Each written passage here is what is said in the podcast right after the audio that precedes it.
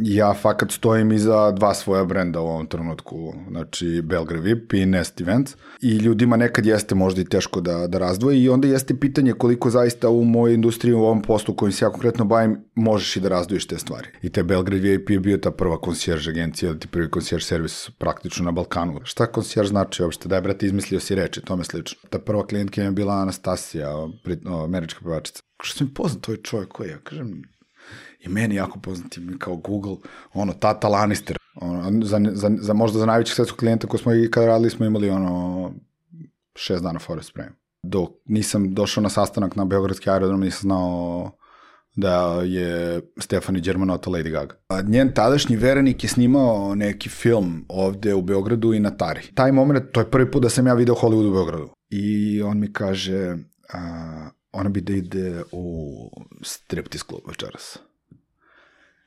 I ja kažem ljudi, a ja potpisujem NDA da moram ne da ćutim, nego vidi, pet godina ništa ne pričaš o tome. Mm. Naši događaji se zaista, moram da kažem, razlikuju apsolutno od, od, od apsolutno mogu kažem i svih drugih, jel?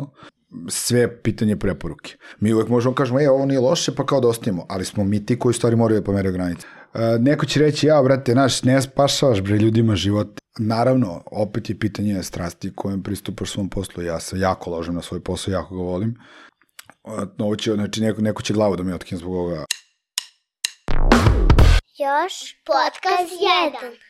Pozdrav svima, dobrodošli u još podcast 1, moje ime je Ivan Ćosić. Na početku hvala vam što ste ovde, ostavite nam neki share, like, subscribe, sigurno imate i neku osobu u svom okruženju kome bi ovo bilo interesantno, preporučite nas prijateljima.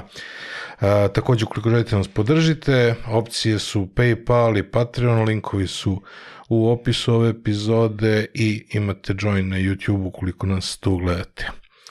Standardno, potrudit ću se kratko, hvala našim sponsorima, Beans Coffee uz koji razgovaram sa svojim gostima, Beans ima super ponudu da se mesečno pretplatite na kafu i da imate espresso zrno u, svom, u svojoj kancelariji ili u svom domu. Naš drugi sponsor je Scandinavian Design Center, u njihovim stolicama sedimo, ukoliko opremate svoju kancelariju u svom domu ili u svom poslovnom prostoru, pogledajte njihovu ponudu, to je jedan zbir skandinavskih brendova pod jednim krovom, imaju sjajne neke proizvode, a naš treći sponsor je Grooming Masters, to su moji prijatelji koji nude široku, široku ponudu proizvoda za negu kose i brade i poslali su mi jedan set opreme za brijanje da sijam za vas u svakoj epizodi. Ukoliko nešto kupujete preko njihovog sajta, kod za popust od 15% je JPJ15, link je u opisu ove epizode. Moj gost u ovoj epizodi je moj dugogodišnji prijatelj, preduzetnik Ivan Agbaba, on je na čelu kompanije koja se bavi organizacijom događaja i upravljanjem događaja, ali takođe i jedan drugi segment njegovog posla je brand Belgrade VIP koji je jedan od prvih beogradskih concierge servisa koji je do sada ugostio i pokazuje im lepu stranu Srbije i Beograda na pravi način i o svemu tome smo eto rešili da pričamo u ovoj epizodi, uživajte u njoj. Okay. To je to, možemo da krenemo. Zagrevali smo da, se. Da, može, apsolutno. Šta ima novo lepo, to mi je obično pitanje za početak nekih posljednjih par dana. Šta ima nešto novo što ti se lepo desilo, osim što si našao parking ovde da, da, na Keca. Parking na Keca, ovo vidio si da me poslužila sreće. Uh, e pa, uh, mi ćemo sad na odmor, kao februar i sad ćemo ovi svi na odmor na jedno dve nedelje, tamo ćemo spojimo s ovim praznicima. Aha. Što se ranije godina, ranije godina je sezona počinjala obično u martu događaja mm -hmm. i nešto kao možda sredinom februara da krene neko planiranje i sad već od kad se slavi ovaj, ovaj praznik državni onda ovaj, ljudi sačekaju sve posle toga. Međutim, ovaj, ova godina nam januar bio radni pakleno i da baš i, ovaj, i onda sad kao ajde malo smo se nešto izdelili, kao ko će kada, ali praktično smo ono, preko stroja idemo na neki manji kolektivni odmor do, do posretenja. I onda krećemo, dolazi sajam turizma, pa tu radimo događaj za jednog klijenta i onda Mart je već priča za sebe, baš zanimljivo će biti. Ajde ljudima koji te ne poznaju, odgovori na ono čuveno teme, čime si ti dečko baviš? Da, da, ovaj, pošto to je. taj deo uvek, uvek onako problematičan.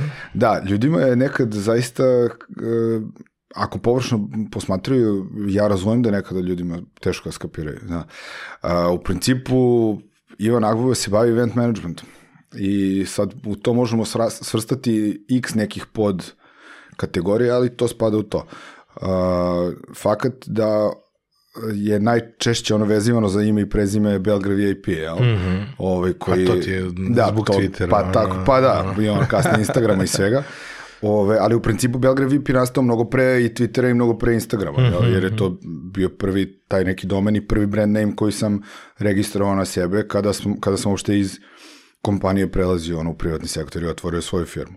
I te Belgrade VIP je bio ta prva koncijerž agencija, ti prvi koncijerž servis praktično na Balkanu u tom trenutku. Možemo prevedemo koncijerž. Koncijerž je, uh, sad kao ako baš pričamo ono tehnički... Uh, To je ona čika što te dočeka u hotelu, ali kako to izgleda A, pa van u toga? principu, ono, u principu ne. što ti u principu- završava sve stari. Tako je, ono. da, to je onaj, to je onaj na skrajnutom, ono, Ono je ovaj, čika što može ti završi sve. To je koncijerž, da.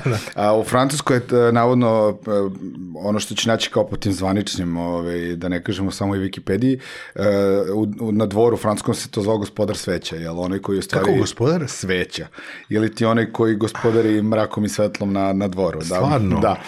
Ove, ili ti onaj ko drži ključeve svega. A, I ima jedan baš dobar film sa, sa Gerard Depardieuom na tu temu, ovaj, e, gde, gde on u stvari i predstavlja baš tog čoveka koji tada za jednog plemića u Francuskoj, a onda i za ove Luja, e, kralja Francuske, ovaj, pravi neke ekstravagantne događaje koji jako mnogo koštaju, pa onda mora da se tu dodvorava i kralju i dvorjanima, a da ga svi slušaju, a da pritom ono prevaziđe neke stvari kao što su, ne znam, ima četiri fontane u dvorištu, a, a nema dovoljno vode, pa onda kako kralji svita prolaze, on pali jednu, gasi drugu. Da, da, da, i sad zamisli Gerard Depardieu, koji onako naš sav je onako malo robustan, razumeš, pa onda se snalazi svemu tome. A, sa sve vatrumetom i ne znam šta. I to je, naš ono vreme, luja, ne znam kog po redu. A, I Svi pamtimo koncijerže iz četiri sobe. A, naravno, naravno, Tim Roth a, predstavlja jednu stranu tog.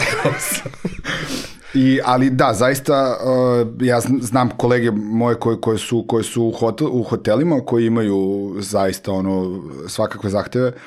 Uh, nam, moja ideja je bila kada sam, kada sam startovao sa, sa, sa Belgrade VIP servisom je bila Uh, to je onaj punchline koji koristimo kao experience Belgrade like you were born here.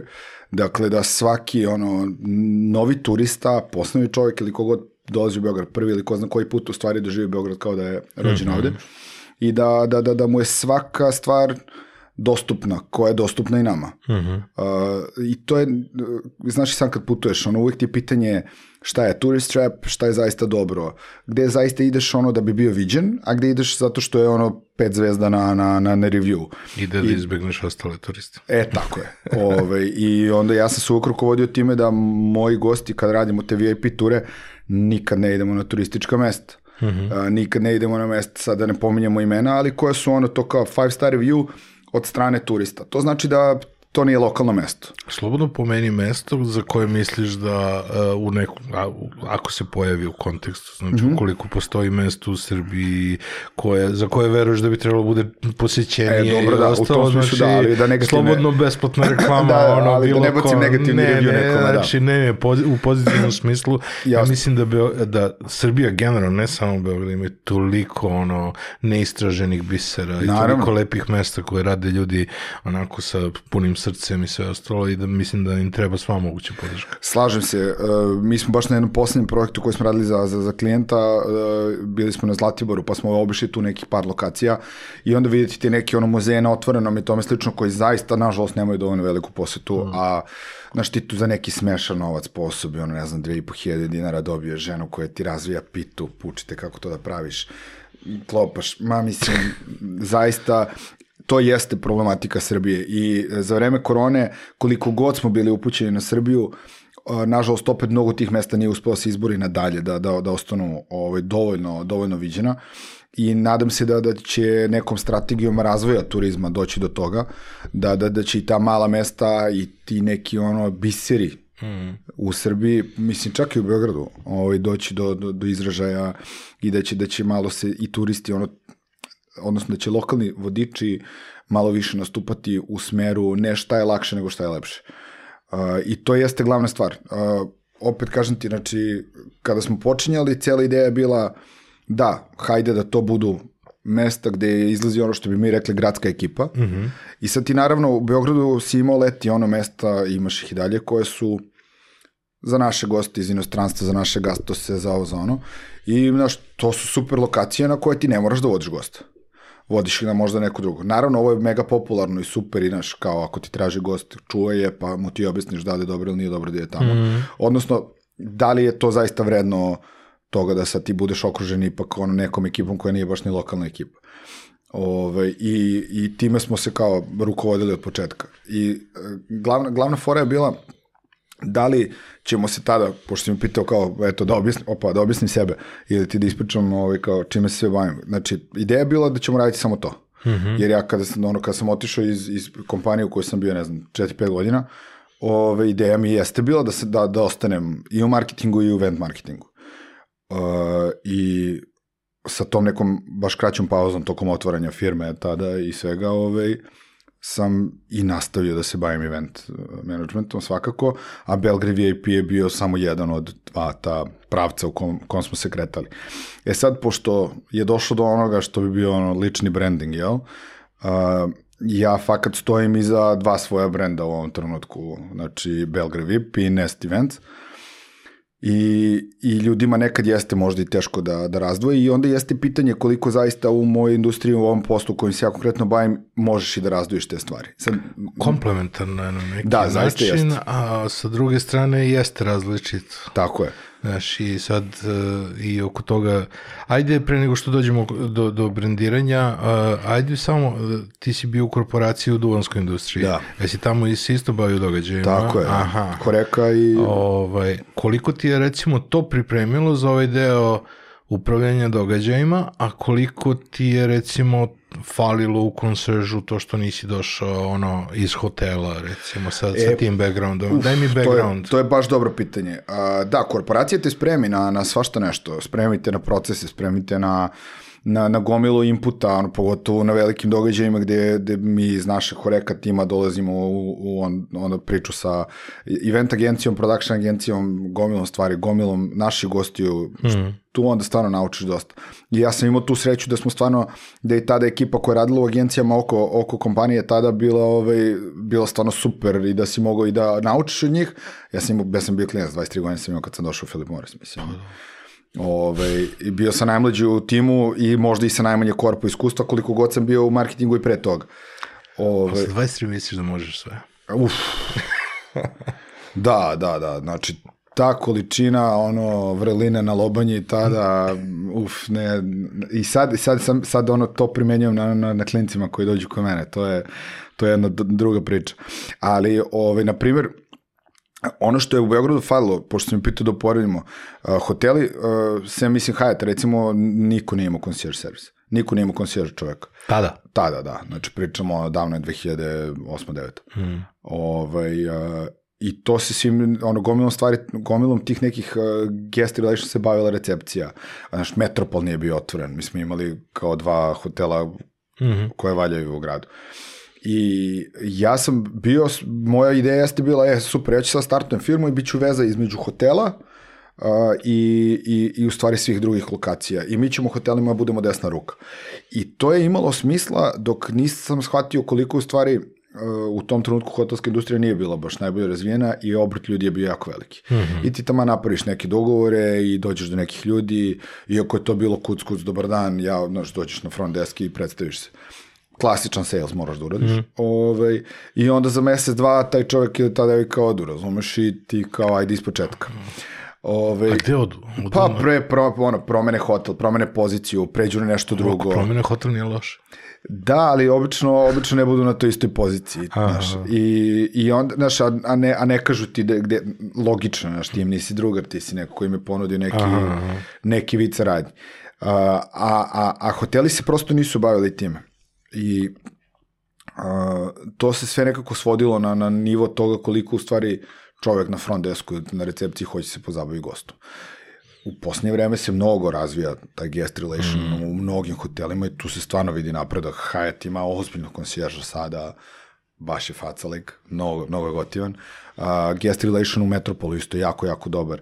Uh, Pera iz Saint Tena, znači, momak stvarno, ono, prvo što je mega prijatan, drugo što zaista ima taj pristup prema gostu šta god treba. Znaš, on desi se da me zovu po 12 uveče, kaže, brate, pomaži, treba mi fotograf za rođendan neki, znaš, i tako. Ove, tako da, uh, sada se ta... Kapiram da ta ekipa sarađuje između sebe, ono. Uh, pa, znaš šta je fora? Uh, mi nemamo, Srbija i dalje nije dovoljno jaka da bi imala udruženje. Naprimjer, jedan najpoznatijih uh, naših kolega iz regiona radi u hotelu Splendid mm -hmm. u Bečićima. On je član konsjerž, uh, reći ćemo, sindikata ili saveza ili unije, koji je u Mađarskoj. To nam je nešto najbliže taj Le Chef Dior, Aha. ovaj, uh, ili ti Le Chef Dior, i se deli po, po, po, po, po zemljama i on je član njihovog udruženja. Uh -huh. I mislim da će proći još malo vremena da, bi se, da, da, da, da bismo došli do toga da se to organizuje kod nas. Uh, naš, uh, Ali radi peške, ono. pa da, pa da. Be, ali, ali je neformalno. Dobro, da, ali bi bilo dobro da se ljudi prosto naši organizuju i sede, znaš, u Londonu ti imaš svaku ono, svake godine takmičenje. da, ali, ali, ali to, je, to je stvar koju treba da, da, da, da stremimo, jel? Mislim, mi uvek možemo kažemo, e, ovo nije loše, pa kao da ostavimo, ali smo mi ti koji stvari moraju da pomeraju granice. Naravno. I ja to gledam kroz svoj biznis kompletno. Ja sećam ja kada sam otvorio firmu, da kao šta konsjer, šta? Šta konsjer znači uopšte? Da je, brate, izmislio si reči, tome slično. I onda ti prvo moraš to da objasniš. Pa ajde kad to objasniš, onda ajde da vidimo šta je. I, I od početka je to uvijek bilo zahteva koji su nemerljivi ono, re, realnim razumom, da budemo iskreni.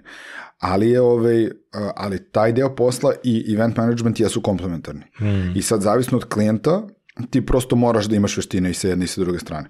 Zavisno od toga šta je potrebno. Uh, nekima si prosto tu desna ruka za sve što im treba, I to je klasično ono concierge servis. Ili ti kako ga amerikanci sad zovu lifestyle management. Stvarno? Da, da, da. Da, mi smo, mi smo, koje smo godine radili novi logo i tad smo umjesto concierge servis stavili lifestyle management. Aha, aha. Ove, kao eto da malo budemo u tim nekim svetskim trendovima. Ove, I ne, znaš, kada si klijentu tu zbog toga, onda mu radiš logistiku i sve što mu je drugo potrebno, Ove, I onda nema tog, znaš, nemaš konkretan događaj, nego je to neki ono, neko putovanje od par dana koje ti treba da mu organizuješ ili boravak ili šta god. I poenta je da, da on ne mora ništa. Znači, on je samo tu da te pita i da mu ti reši sve. Ili čak da predvidiš što je još bolje. tu smo baš majstori. Ok, kako si se pripremao za sve to u smislu učenje, razvijanja i soft skillova i hard skillova. Kapiram da hard skillove uvek možeš nekako u letu, da. pa onda da, da pokrpiš nazad, da ga vratiš u procedure i sve ostalo. Da. Ali koji su ti recimo neke soft veštine bile najvažnije?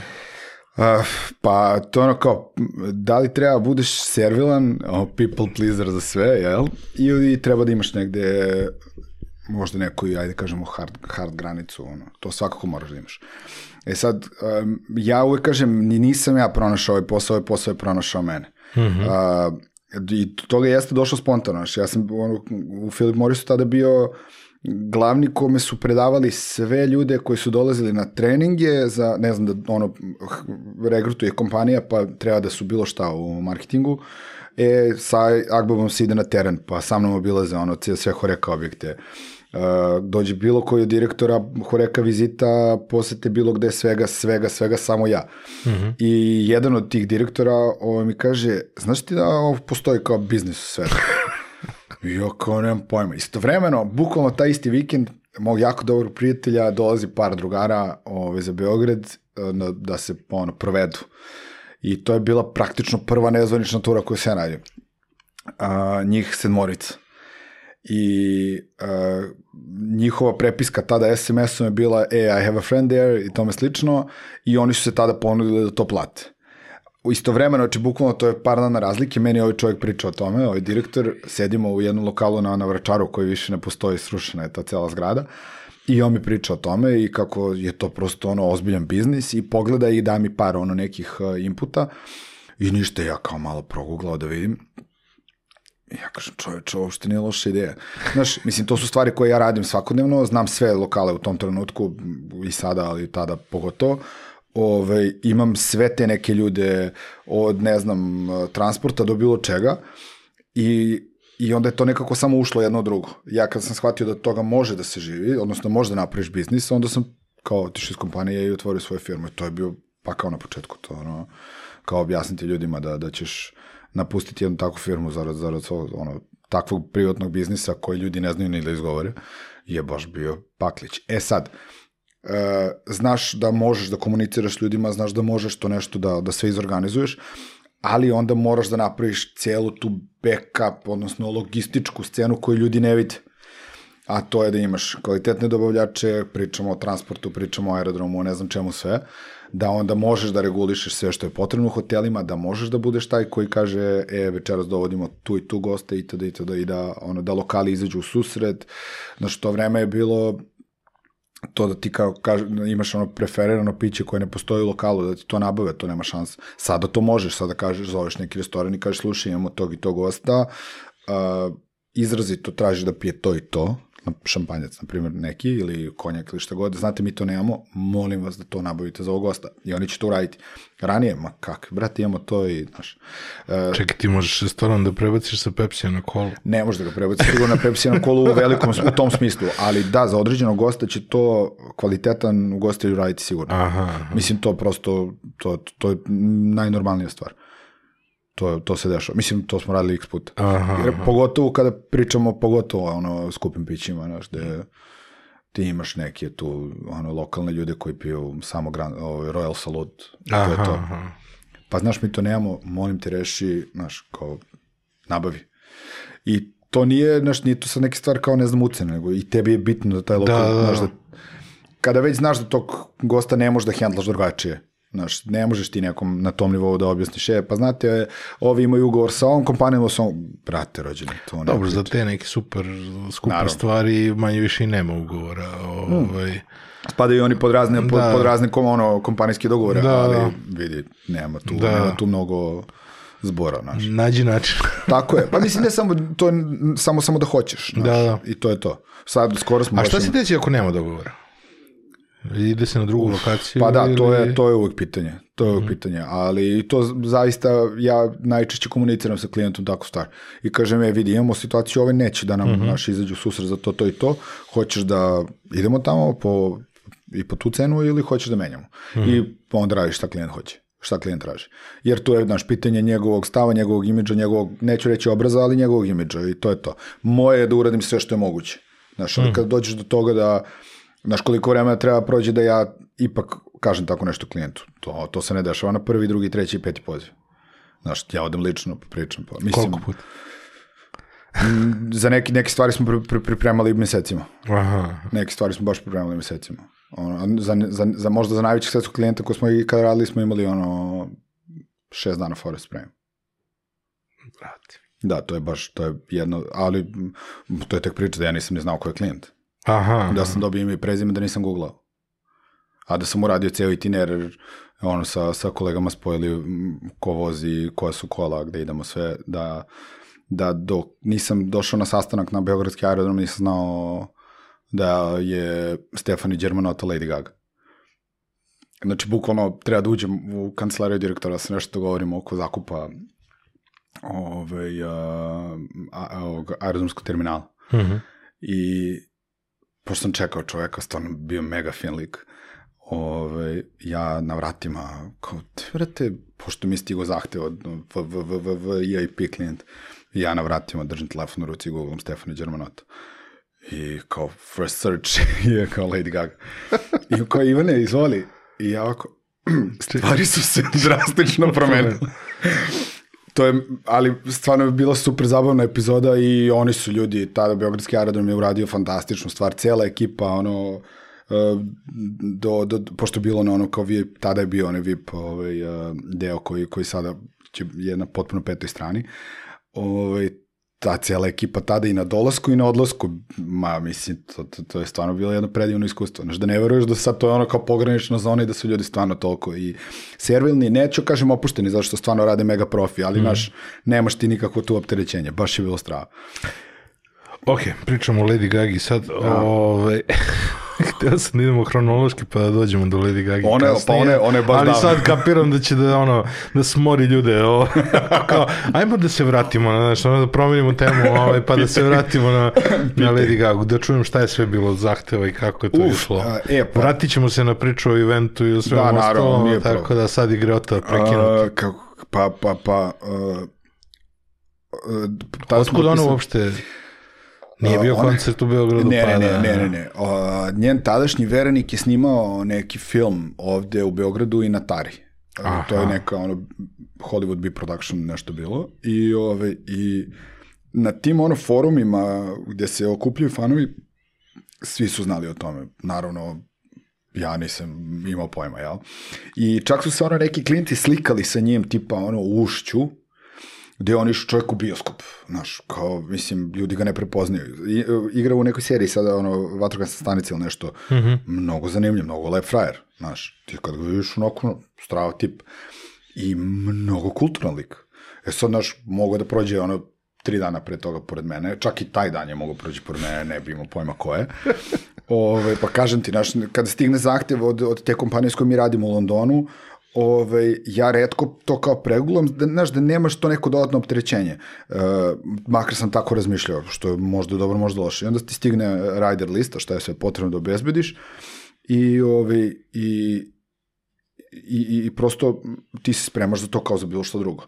I sad, mnogo smo zvezda tog kalibra, ne možeš kaži baš tog kalibra, jer ona zaista bila u tom trenutku najveća svetska zvezda, ali zaista veli, ono, velikih zvezda smo hendlali na taj način, da se tu sad nešto ne preterano, naš, upuštam ja, naš, mislim, imao sam još jedno ispolo, ispričat ću ti kasnije, ali, ovaj, Uh, dobili smo rider listu šta je potrebno da se obezbedi i nije bila nešto uh, preterano zahtevno. Znači vozila kakva su, koji, ko mora da budu, koji moraju da budu vozači i to su kolege ovaj, uh, sve realizovale i ona je bila sa, sa svojim svitom asistentkinja, ne znam, uh, šminkirka, frizerka, stilista, šta već sve. Mm -hmm. Bilo je par ljudi još oko nje i dva čovjeka iz obezbeđenja ispostavit će se da je jedan od tih momaka naš lik, mm -hmm. ovaj, uh, Aleksandar. A šef obezbeđenja je, ako se dobro sećam, uh, holandski, ono, bivši specijalac neki. Kad ga vidiš, znači čovjek visok ćelo, građan ko saksija ramena, uzak struk, ne možeš da veruješ. Znači, ne bi se zezao ni za što na svetu. A lepo ono ko Apolon, a u fazonu si ovaj može, znaš, ono te prebaca po sobi kako hoćeš. Ove, i, A koje specifikacije za vozila i za vozača? a, bili su i da budu, je- budu džipovi i Aha.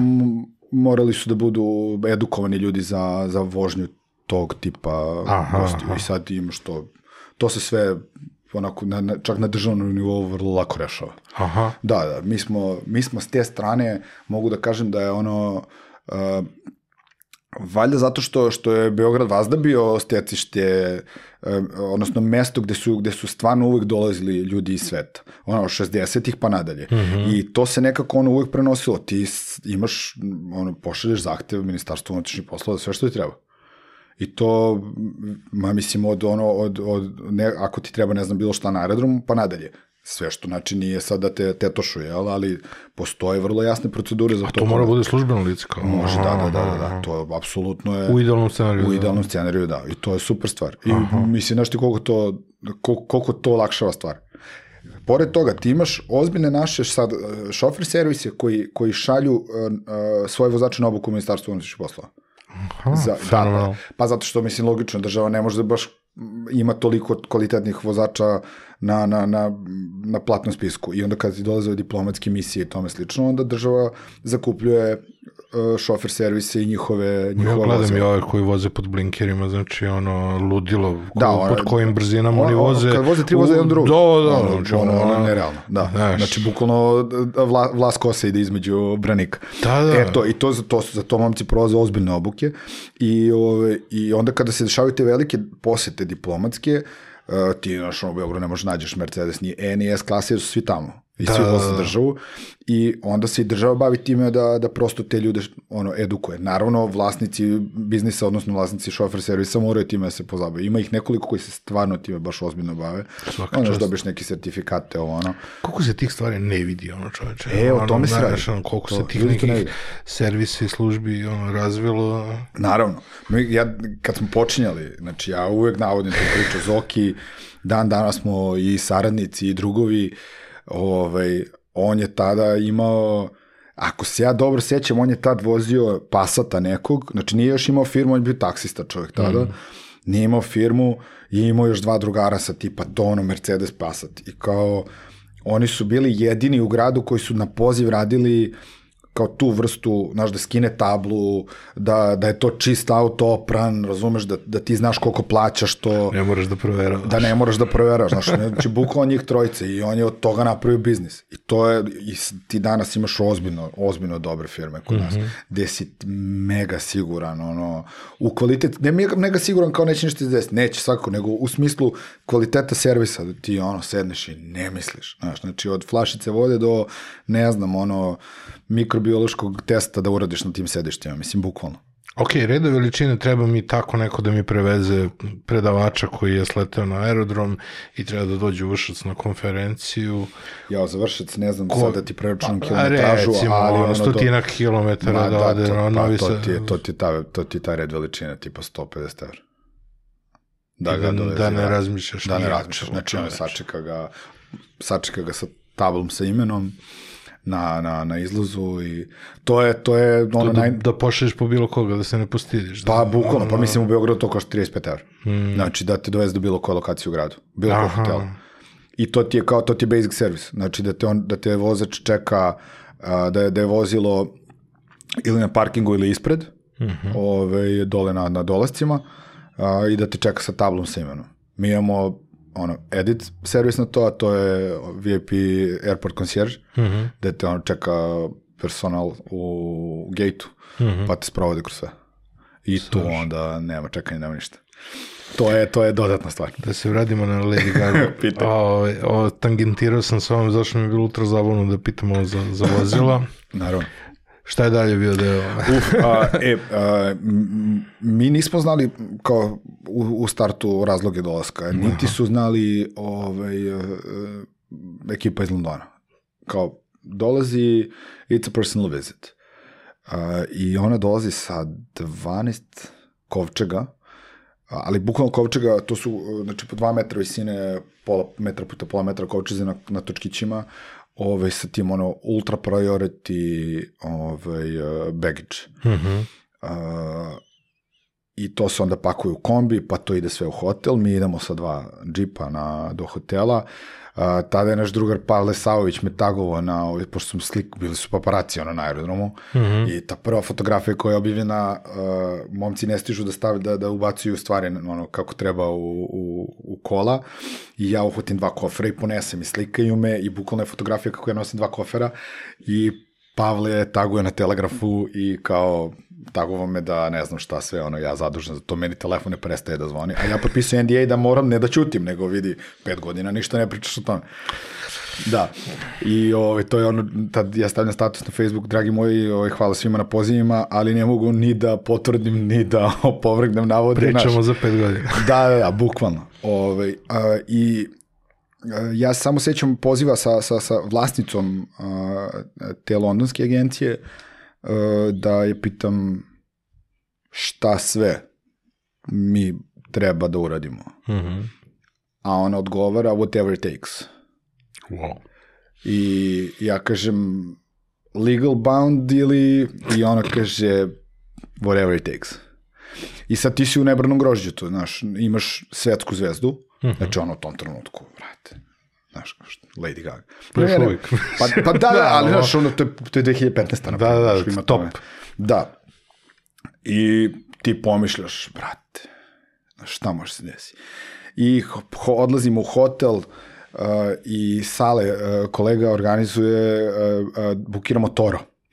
I Sale kaže, daj brate, rešimo ovo, kao ajde da uzmemo gore ceo sprat na ovaj, uh, ceo sprat na galeriji Toro, pa ćemo tu da budemo. odnosno kao tu ćete da budete, pošto je on završio logistiku i nema ga više nigde. I ja kao dobro, a, dolazimo u Toro, a, isto, znaš, on nije moglo se priđe kolima ispred, nego se dolazilo onda parkinga, pa idemo peške. Paparaci na sve strane. Ja ne verujem. E sad, fora je u tome što su oni, uh, što, mislim, taj moment, to je prvi put da sam ja video Hollywood u Beogradu. Znači Mhm. imaš na YouTube snimak neke TV stanice gde uh, kada izlazimo iz nekog restorana sa, sa žabara, ako se ne varam, da bukvalno kamerman trči sa kamerom, pada, sapliće se i ustaje i snima, znači to je bukvalno taj ono vibe bio. Ovaj, mi dolazimo u Toro, a, njih dvoje sedaju za jedan sto, tako ih smeštamo, ja iskomuniciram sa konobarima i sa, sa njima i to je moment gde on o, vrlo jasno onako bio baš, baš cool i kao ne obrineš ništa kao da ono kao da smo najregularniji gosti. Znaš ono tri reči ti je ono, bio u fazonu sve ćemo sami znaš nema šta sad ti da im tu nešto znaš otvorit će meni na engleskom je jedan konobar i to je to. A, obezbeđenje ja sedimo za, za stolom koji je pored stepeništa i ovi gledaju stepenište. A, šef obezbeđenja se kucka s njom Mhm. ove, i prenosi meni. I oni su već, sa, zabavljaju se, jel, pričaju. A, dole ispod je pregužva, ono, ljudi fotkaju od ozdo. I on mi kaže, a, ona bi da ide u striptease klub večeras. I ja kažem, ljudi, mi u Beogradu u tom trenutku imamo tri ili dva striptease kluba. I svaki je užasan. Znači, užasan. Ja mu kažem, brate, vidi, mislim, da me ne sutiš pogrešno. Daj mi dva dana da napravim svoj klub. Pa da, znači, da kažem, vidi, nivo usluge u toj, to, tom segmentu ovde je jako loš. Mislim, neko to, ta dva mesta koja postoje su užasna, ni na šta ne liče, jedan je pod zemljom i nisu cure baš naš nivoa ono kao što je tada u Budimpešti ili Kijevu ili u Krakovu. Uh, I on meni kaže, there are two things.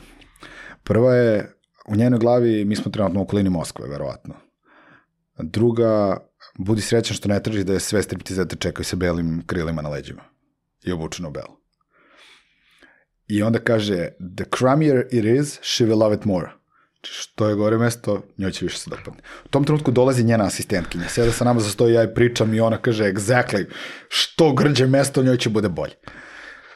Ja zovem vlasnika tog lokala i kažem, slušaj, materi, mi se znamo od ranije još, nismo nikad sarađivali, prosto nisam imao, znaš, nikada nisam vodio klijente na ta mesta.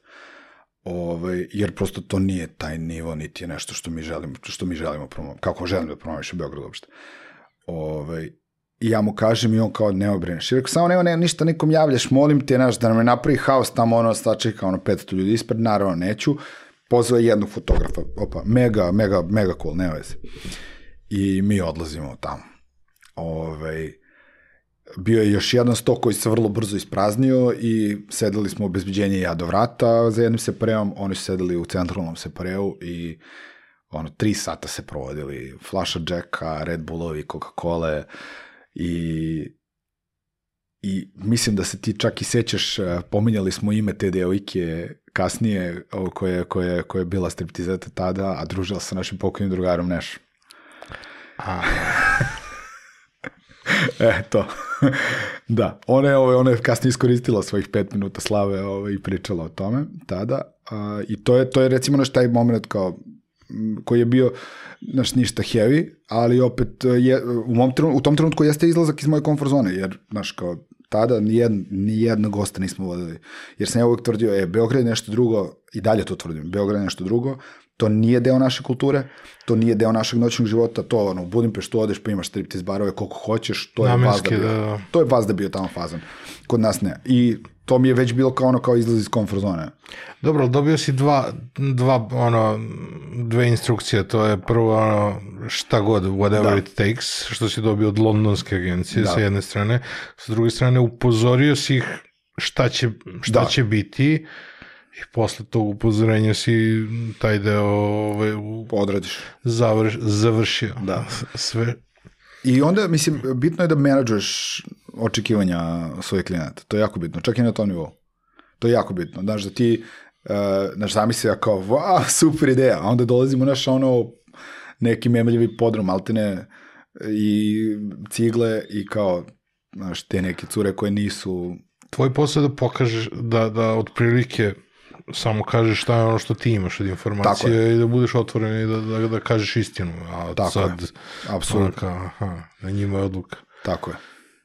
Pa je splaslo to ono, jurenje paparaca i ostalo? Ko im je dojavljivo uopšte? A, pa ono, to je, kako ste e, uspeli recimo, taj deo da hendlujete? Nema tu, tu nema pomoći. Znači, ti kada, Skoro sam gledao Crown i ono kako je to sve krenulo od Lady Diane pa nadalje.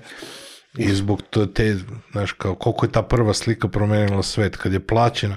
Znači, malo ljudi u stvari zna da to nije sad neki ono kao ne, uzlazni trend koji je bio u, u, u porastu, nego da u stvari a, plaćanjem prve slike a, Lady Diane i Dodija ovaj, količina novca koja je plaćena za tu jednu sliku inicijalno eksplodirala celu industriju, znači Tako je. jer su svi krenuli kao moderni lov na zlatu, znači Tako je. jurili da naprave sledeću veliku fotku. Tako je, od koje će, od koje će te jedne fotografije zaraditi toliko novca. Mislim, Da. mislim da, kod nas, da je kod nas i tada malo drugačije bilo te da ono, nije bilo konkretnog prodavanja te kao jedne ono, fotografije, ali isto tako... Kada, to 20 godina kasnije, ali Naravno. opet ovaj, ali, ali ono što je meni ostalo baš na tom primjeru u glavi kada, kada se desila pogibija u francuskom tunelu, Hmm. na prvom sledećem događaju su fotografi koji su bili ono akreditovani, Uh, oni su nosili veliki transparent ispred sebe uh, sa natpisom mi nismo paparaci, mi smo pozvani ovde.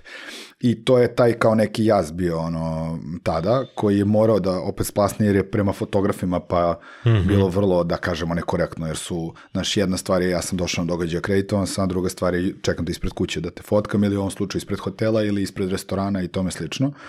Ove, mi smo, ta, ta, ta, ta situacija koju ti pomenuh malo pre ispred Žabara je njih dvoje i još jedan par sede na, na, na, na, žaboru, mi smo sto do stola i oni se super zabavljaju, piju rakiju, piju vino, prepili se naravno.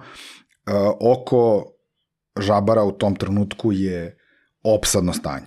Ali kad kažem opsadno stanje, znači ljudi čuče pored, pored mosta ovaj, i svuda okolo. I Uh, jedan od novinara koji ima moj broj telefona mi piše i piše mi kao, i ja shvatam da oni sede u restoranu. I piše mi šta pijemo i ko šta jede i tome slično. Naravno, naš, to, to, to, to je sasvim okej. Uh, I sećam se samo da, da ja prenosim sad to obezbiđenju i Aleksandar, baš ovaj naš momak, kaže, ok, ja, pošto, ko naš lik govori srpski, apsolutno, ovaj, ja ću samo da iđem ispred, da im se obratim, znaš, da neko ne utrči ispred, znaš, neka slikaju, to je njihovo pravo, ali, znaš, čisto nemamo taj neki negativan moment, to ne da bože nečega. I onda je on stvarno izašao, obratio im se i rekao, molim vas samo kao bez, znaš, da niko ne, ne ide ispred i tome slično, kao fotkajte sve, cool, samo neće biti izjava niti, niti bilo čega. O, da li a, znaš kako se a, zove a, iz serije Game of Thrones a, bože, a, kraljica koja je ono udata bila za tri različita a, Lan, Lannistera tokom, tokom serije. Misliš na ovo što glumila se seji? A, ne Cersei, nego njena praktično šta je dođe, snaje. Aha, što Marg... Nešto tako, da? Da, znam je odatle i znam je iz ovog, kako se zove, iz Hunger Gamesa, tamo je glumila E, glavnu producentkinju tako ili je, tako e. nešto. E, da ovaj. vidiš, ovaj, ja nisam imao pojma da, da, da sedim pored te žene, ovaj, ona je bila i gošća. Da. Vidim, slatka mi je Dobro, nešto. znam ne- je vizualno, ovaj, ne bi, ne bi, z- e, ne znam je, ne bi znao, kažem, e, čao, šta znam, Kerry ili Ja kako sam vidio god. da mi je. Ove, ne, ne, ja bi znao ko je. Ove, ja lica ne zaboravljam, ali Ja da, jako. imena, pam, imena zaboravljam. Ja, e, to je, da, i sad, stvarno mega simpatična žena, Jeste, znaš, sve, i jako kulturna, i sad ne sjećam se ko je bio čovjek sa njom, da li je to bio tada mom, ne, znaš, da ne kažem, stvarno ne znam, ali, ovaj, to je kao prvi moment gde ja, znaš, sedim s njom u kolima, pojma nemam, kao, mental, i tek posle toga sam ono kao shvatio. A isto si dobio za nju. A, ne, oni su, one, oni su bili kao, znaš, pošto su gosti, ti se baviš jednako njima, kao ono, glavni Oni su bili gosti Da, da, da, da, one, one, one, bila, da, one bila, one, je bila inače, mislim da je bila deo možda te produkcije ovaj, filma, gde, gde je verenik Lady Gaga je bio, ovaj, zaboravio ih, kažete, to skoro 10 godina prođe toga, ali ovaj, to je recimo taj moment gde ja, znaš, kao... Ne čudi me ta produkcija, ovaj, mislim da je i Remi Malik bio u Srbiji i Da, da, da, da, gomila, da. Ovaj, ono, gomila tih, te neke ekipe koja nije ono top Da, A da, produkcija, ali e, cela ekipa koja je recimo u top, top e, produkciji recimo koje možda nađeš u serijama, eto kao ona, mislim. Tako je. Znači to je ono, š- znači ono što je krem seri, e, produkcije serija, Da, su, su skoro svi, svi su Tako bili je. u Srbiji. Da, Pierce Brosnan je proveo ono mesece dok snima November. Man. November Mena, da, da. Ove, i Pa dobro, November Man je baš sniman u Da, da, Beogradu, da, da, da. trećina je valjda i u Beogradu. Ako ne više, da. Ali, ovaj, znaš, i njegove priče iz Beograda su mega, mega lepe priče. Mm. Ova, Olga Kirilenko, znaš, ti ona u tom trenutku jedna najlepša žena na svetu. Da, da. Ona je bez problema šetla Knez Mihajlov. Super, naš priče ti neko i tome slično, znaš, nema tu... Da, znaš, ali to, to već nije ono nivo popularnosti Lady Gaga i Nije, nije, Jurenja. ne, ne, ne, ono, naravno, da ne, ne, ne, ne, nikako, nikako. Ali to je, recimo, to je prva, prva ispala, ono, a je možda već i druga, jel, ove, da ja ne prepoznajem osobu. Ove, a kad pomenu smo Game of Thrones, glavni tata Lannister, Mhm. ovaj, znači, gospodin čovjek, visok dva metra, prelepog glasa, znaš kako se obhodi prema ljudima. On valjda ima nešto i sir, ono, ja mislim da on ima lordovsku. Ne znam, da budem Ja iskren, ne mislim da on baš ono engleski, ono high level glumac. Da, svakako Nisam jeste, siguran. svakako jeste high level glumac. E, dobijamo Trudy Styler, e, žena Stingova, e, supruga, ona ovaj producentkinja i ima veliku producentsku kuću, radi filmove i ona često dolazi u Srbiju i kao između ostalog nam je ona klijent. Jel? I mi sad imamo taj neki VIP na aerodromu, imamo tri automobila, imamo neke čuvare naše, imamo, imamo vozače i to je stari aerodrom, znači još se moglo, moglo se ono stati ispred zgrade tada. A, I mi imamo na spisku uh, 2 plus 1, Trudi, njena asistentkinja i još jedno muško ime. Uh, međutim, uh, Trudi Styler naleti na nekog na aerodromu i kaže, e, samo sekund, a ona je stvarno ono, znaš koliko god da je vrlo striktna gospođa, vrlo je opuštena prema kompletnom stafu, samo ona nešto da se ispriča s tim nekim i asistentkinja njena Uh, kaže, e, pa ja bih kao našao, ne znam, vozila se, leteli dugo, ja mogu da sednem u automobil i seda u jedan od automobila, imamo tri. Mhm. I sad ja računam, zašto imamo tri automobila, obično asistentkinja bi se vozila sa, uh, znači, sa, sa, sa ono glavnom zvezdom, jel? Međutim, ne. I taj gospodin stoji sa nama. Pri, znači, vozači, naši, ovi, naši momci ovi, iz obezbeđenja su tu i ma ne mogu ti objasniti, ja gledam čoveka, jako mi, jako mi je poznat, jako mi je poznat, ovaj, i on postavlja neviđeno kvalitetno i dobro pitanja i to nije naš, nije baš small talk, znaš, postaviti ono, konkretno pitanje iz ekonomije, znaš, kao šta je glavna stvar koju, znaš, u Beogradu možeš da nađeš ili kao industrija ili ovo, ono. I mi tu pričamo ono par minuta i ja mu kažem, hoćete sednite pozadnje, kaže, ne, ako nije problem i pogleda, sad vrlo svestan, pogleda momka iz obezbeđenja i kaže, ako nije problem, ja bih se vozio napred. I ovaj kao, ne, ne, naravno, pošto će jedan automobil onda kao vjerojatno biti prazan, mi ćemo svi u taj auto napred. Kao dobro, i sad momci iz obezbeđenja odlaze u taj auto napred. A, asistentkinja se vozi sad već u poslednjem automobilu sama, on seda napred, trudi Styler seda pozadi, zatvaraju se vrata, doviđenja, doviđenja, ja treba da krenem svojim kolima do, do Hajata i ostaje taj poslednji vozač, kao sačekat će, on će da krene, kao samo da se pozdravimo. I kaže mi, što mi poznat, to je čovjek koji je, ja kažem, i meni jako poznati mi kao Google, ono, tata Lannister, razumeš, uh, mali ga upucao na WC šolje, na epizodu pre toga, i ja kao, brate, koji si ti kretan. Znaš, ali s jedne strane uh, se možda onda i nema nikakve Nekad opterećenosti. vole. Da ih ne prepoznaš. Nekad jel? vole da ih ne prepoznaš, tako sam, ja sam se to ispalio, ono, dobro, imao sam 18 godina, ja sam tako sedeo pored pećinka iza teiste, razumeš? Ja tipa slušam ateiste, razumeš, ali, Ali jedini prepoznaš. put kad sam bio na koncertu sam bio ono nešto, tipa na, na, na, na, na 100 metara od bine, razumeš? I ovaj, kao pričamo, pričamo, pričamo, u tom trenutku je se on zabavljao sa onom Aleksandrom, našom A, Ivošev. Ivošev, znaš, i ono, još je u tom trenutku u tom klubu gde smo sedeli, on nešto jurio po netu, ono baš oko streljaštva, oko vesti. Da li ona bila tada na, na nekom takmičenju, to je bilo Olimpijada. 98. ili tako nešto. I ovaj, I mi se ono kao zgotivamo, ispričamo, ispričamo. Ja sad u tom trenutku se okrećem i tu je cijela ekipa, mi smo kao iz Vršca išli u posetu Novosadskom tom nekom klubu. Dobro. Ovaj, neki klub za mlade ovo, ono.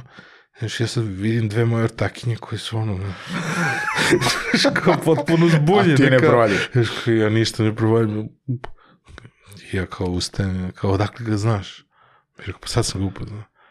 Kao, Tako opušten. kao, to je Pećinko. Ja rekao, ko je Pećinko?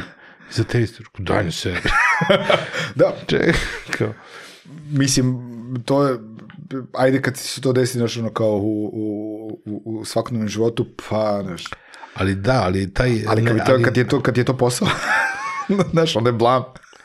Da, ali imaš taj, ono, ja mislim to Ameri zovu starstruck. Tako je, da, da. Ove, I poznati vole da nemaš starstruck kada, kada se sretneš i da nisi ono u fazonu kada... Da. Ja nemam, ja baš nemam tu vrstu opterećenja i ovaj uh, uh, i kada i kada radimo ono visoko zahtevne diplomatske posete, uh Mhm. gde sad ti ono stojiš pored predsednika ili premijera ono velike bitne države, a stvarno smo radili sa sa najvećim svetskim uh, liderima. Ovaj uh, uh, taj momenat da ti moraš da znaš kad šta i kako možeš da da s- ono, da se obratiš ili da kažeš ili da ukažeš na nešto ovaj, je jako bitan, ali znaš, nemaš, ne, ne treba da imaš tu dozu, aj rećemo, straha. Poštovanje svakako, ali znaš, to je, uh, mi često radimo to sa, sa domaćim političarima, sa, sa stranim političarima, diplomatama, ovaj, i to, to je prosto, znaš, ok, to je stvar koja zaista se uči, i postoji sad tu cijela i tehnika i priča i kako se stoji i gde se stoji i gde treba da budeš nekom u vidokrugu, da te primeti kada nešto treba da mu preneseš i tome slično kada možeš da se obratiš, u kom trenutku smeš nekoga da prekineš, ukoliko mu nisi baš desna ruka, Da, ove, što oni svi imaju. Kako se to onda komunicira sa sa lokalnim, sa lokalnom policijom i službama koje se bave čuvanjem, zaštitom, pratnjom, pa onda i sa njihovima itd. itd. itd. Ove, to je jedan drugi nivo, ove, što čak i, čak i u varijanti Lady Gaga nismo imali, jer naš ima dva čoveka iz obezbeđenja plus, plus vozači. mm, I tu, znaš, ti si direktno s njom i nema šta, ono, ta priča je jedan na jedan. Ona te pita šta je zanima, ako, ako nije pored tebe, onda će to preneti ono preko svog čoveka i to je to. Ali postoji svakako razlika, ali opet kažem i u jednoj i drugoj varijanti moraš da budeš svestan da s kim radiš, ali taj moment ono da ti izgubiš moć govora zato što je to Lady Gaga, to, mm. brate, ain't gonna cut it. ne radi.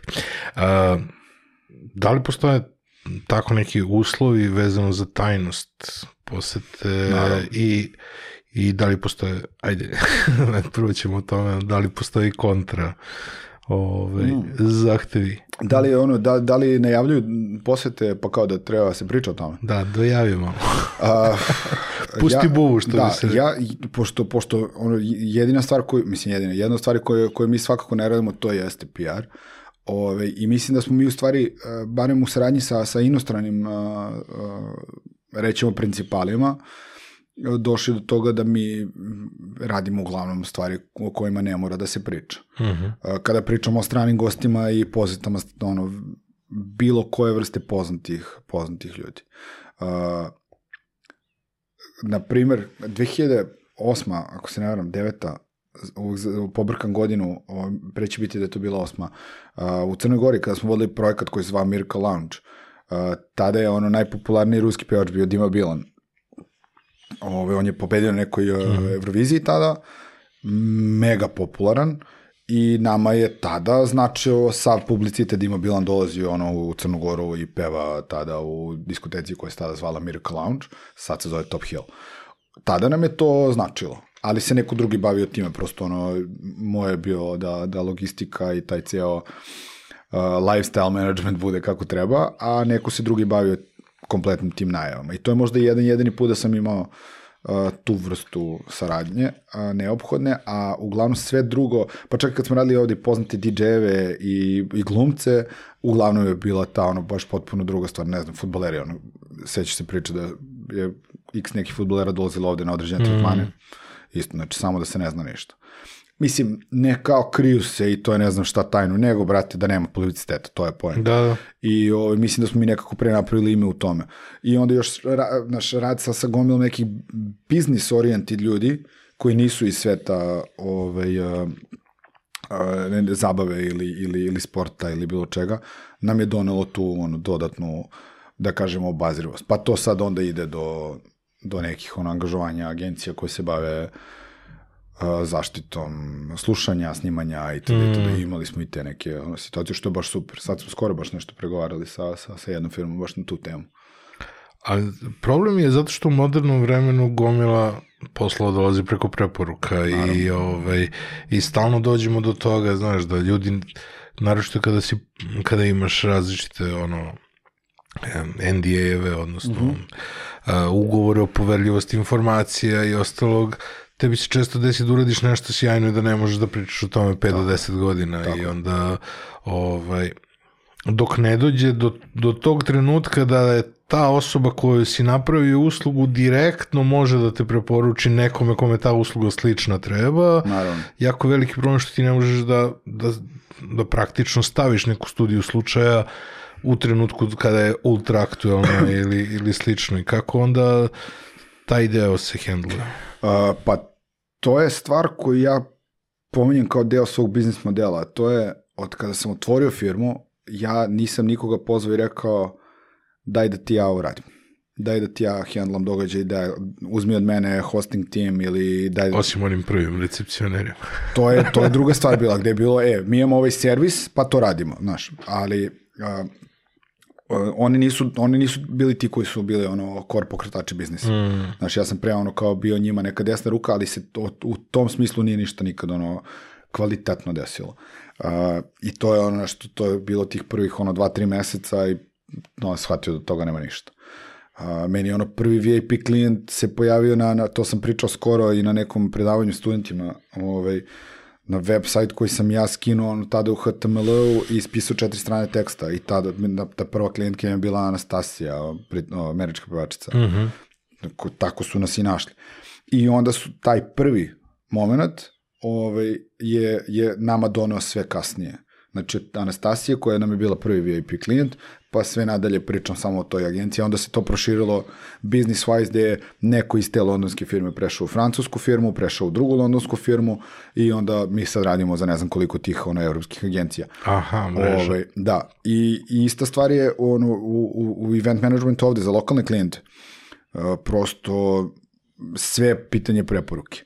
Ok, mi, uh, znači, bukvalno, mislim, prvi put uh, da smo dobili događaj uh, uh, a da nismo znali za koga radimo, je sada bio za HLTV, što smo radili u Hajetu 13. januara, mm -hmm. gde je momak Zvonimir, koji je jedan od ono operativnih direktora HLTV-a, je bukvalno googlao, oni su već imali dogovorenu agenciju koja im radi produkciju uh, HLTV uh, Awards, kao to je dala nagrada za najboljeg CSGO igrača na svetu, I oni su već imali agenciju, odnosno produkciju koja im radi taj događaj u, u MTS dvorani. Mm -hmm. Trebala im je druga firma za, za, za, za event, za after party. On nas je našao tako što je ono, nas je našao na Instagramu i video je par nekih videa i onda nam je pisao poruku.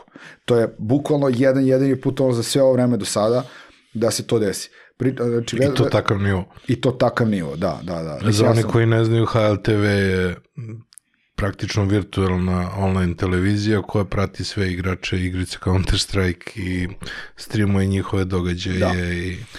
Meni, meni je to bilo otkrenje, ja nisam znao ništa o tome. Ove, mi smo se ono is, is, is, isprepisivali, onda se desilo da sam ja ono, seo na avion, otišao u Split, mm -hmm. uh, legendarna priča da smo se mi toliko zapričali i toliko ušli u detalje o eventu, da ja propustim let za, za Frankfurt Beograd, uh mhm. -huh. zakasnim 15 minuta na aerodrom, i, ali kako ti kažem, vredelo je, uh, jer ja onda ostanem na, na, na, na, na tu na aerodromu direktno, na, na Splitskom aerodromu kupim kartu za Zagreb i onda busom tu noć se vratim za Beograd iz Zagreba. Da, ali to, ono, to je bilo potrebno da se sve to desi. I to je priča za sebe. Da. Tako je, da.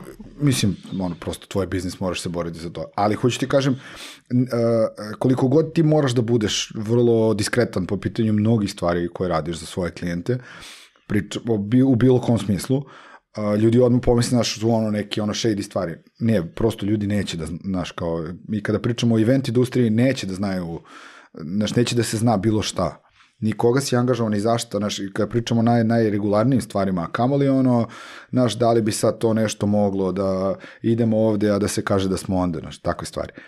Ove, ovaj, prosto, uh, i, iako je tako zahtevno da ti ne smeš ono nekada pričati o tome, po preporuci, kako ti kažem, ako sam imao servis neki za tebe, ti nećeš reći šta, ali ćeš pričati sa ono svojim nekim ono, prijateljem, kolegom koji će reći, a treba mi to i to, ti kažeš, ja imam čovek. Nije bitno šta i kako, ali imam čovek. I, znaš, ni, ne mora prođe pet godina da bi ti mene preporučio. Pa kažu ljudi da, da se da se pamti osjećaj kakav si proizveo u ljudima, a Tako ne je. šta si uradio. Pa da, mi, ja uvijek kažem da kada, kad mi uh, i u jednoj i u drugoj opciji uh, ne prodajemo proizvod, prodajemo experience, prodajemo zaista ono how you feel about it. Mm -hmm. uh, ti kada, kada pričamo o, o, o, o jednom ono ludom vikendu u Beogradu, znaš, ti sam možeš da, ja tu uvek kažem klijentima, ti sve možeš sam. Možeš sam da, brate, nađeš ko će te voziti, sve za iste pare. Uh, ko će te voziti sa aerodroma, ko će te voziti po gradu. Možda nađeš i gde ćeš da jedeš i šta ćeš da piješ, i gde ćeš da izađeš i šta da vidiš. Sve to ono 3D research na internetu. Sve možeš sam. Ali to zahteva da se ti cimaš, da ti nešto, imaš gomilu poziva, da tu imaš šesto varijabli, pa onda cijela ekipa kaže, jao, mi bismo, ne bismo da jedemo ovo, nego bismo da jedemo ovo, a što si nas dove ovdje i tome slično. I onda ti koji si organizovao sve to za svoje društvo, što obično, znaš, ono, cijele, sve te ekipe, da li je bachelor party ili šta god, imaš ono jednog ili dva čoveka koji su u glavnoj ekipi, onda oni uvek tu ne jebu, razumeš? I poenta je da oni ne moraju, mislim ne oni, bilo ko od njih, znači samo naš, njegove brate se probudi otvori oči tog dana. I onda da on kaže kada je otišao, brate, this was easy going, vi, proveo sam se strava, možda je platio taj neki fee, ono više, ali jednako uštedeo jer ga nisu odrali ne znam gde, jer se mi onda pozabavimo time da mu to prođe sve kako treba. I ceo njegov doživlje je, brate, Beograd je ono, svi su friendly, sve easy going. Jer ti, naš, ti se pozabaviš mm. time da, naš konobar ne bude nadrzan zato što su ga vratili 200 puta za nešto. Na primer, što se dešavalo ranije.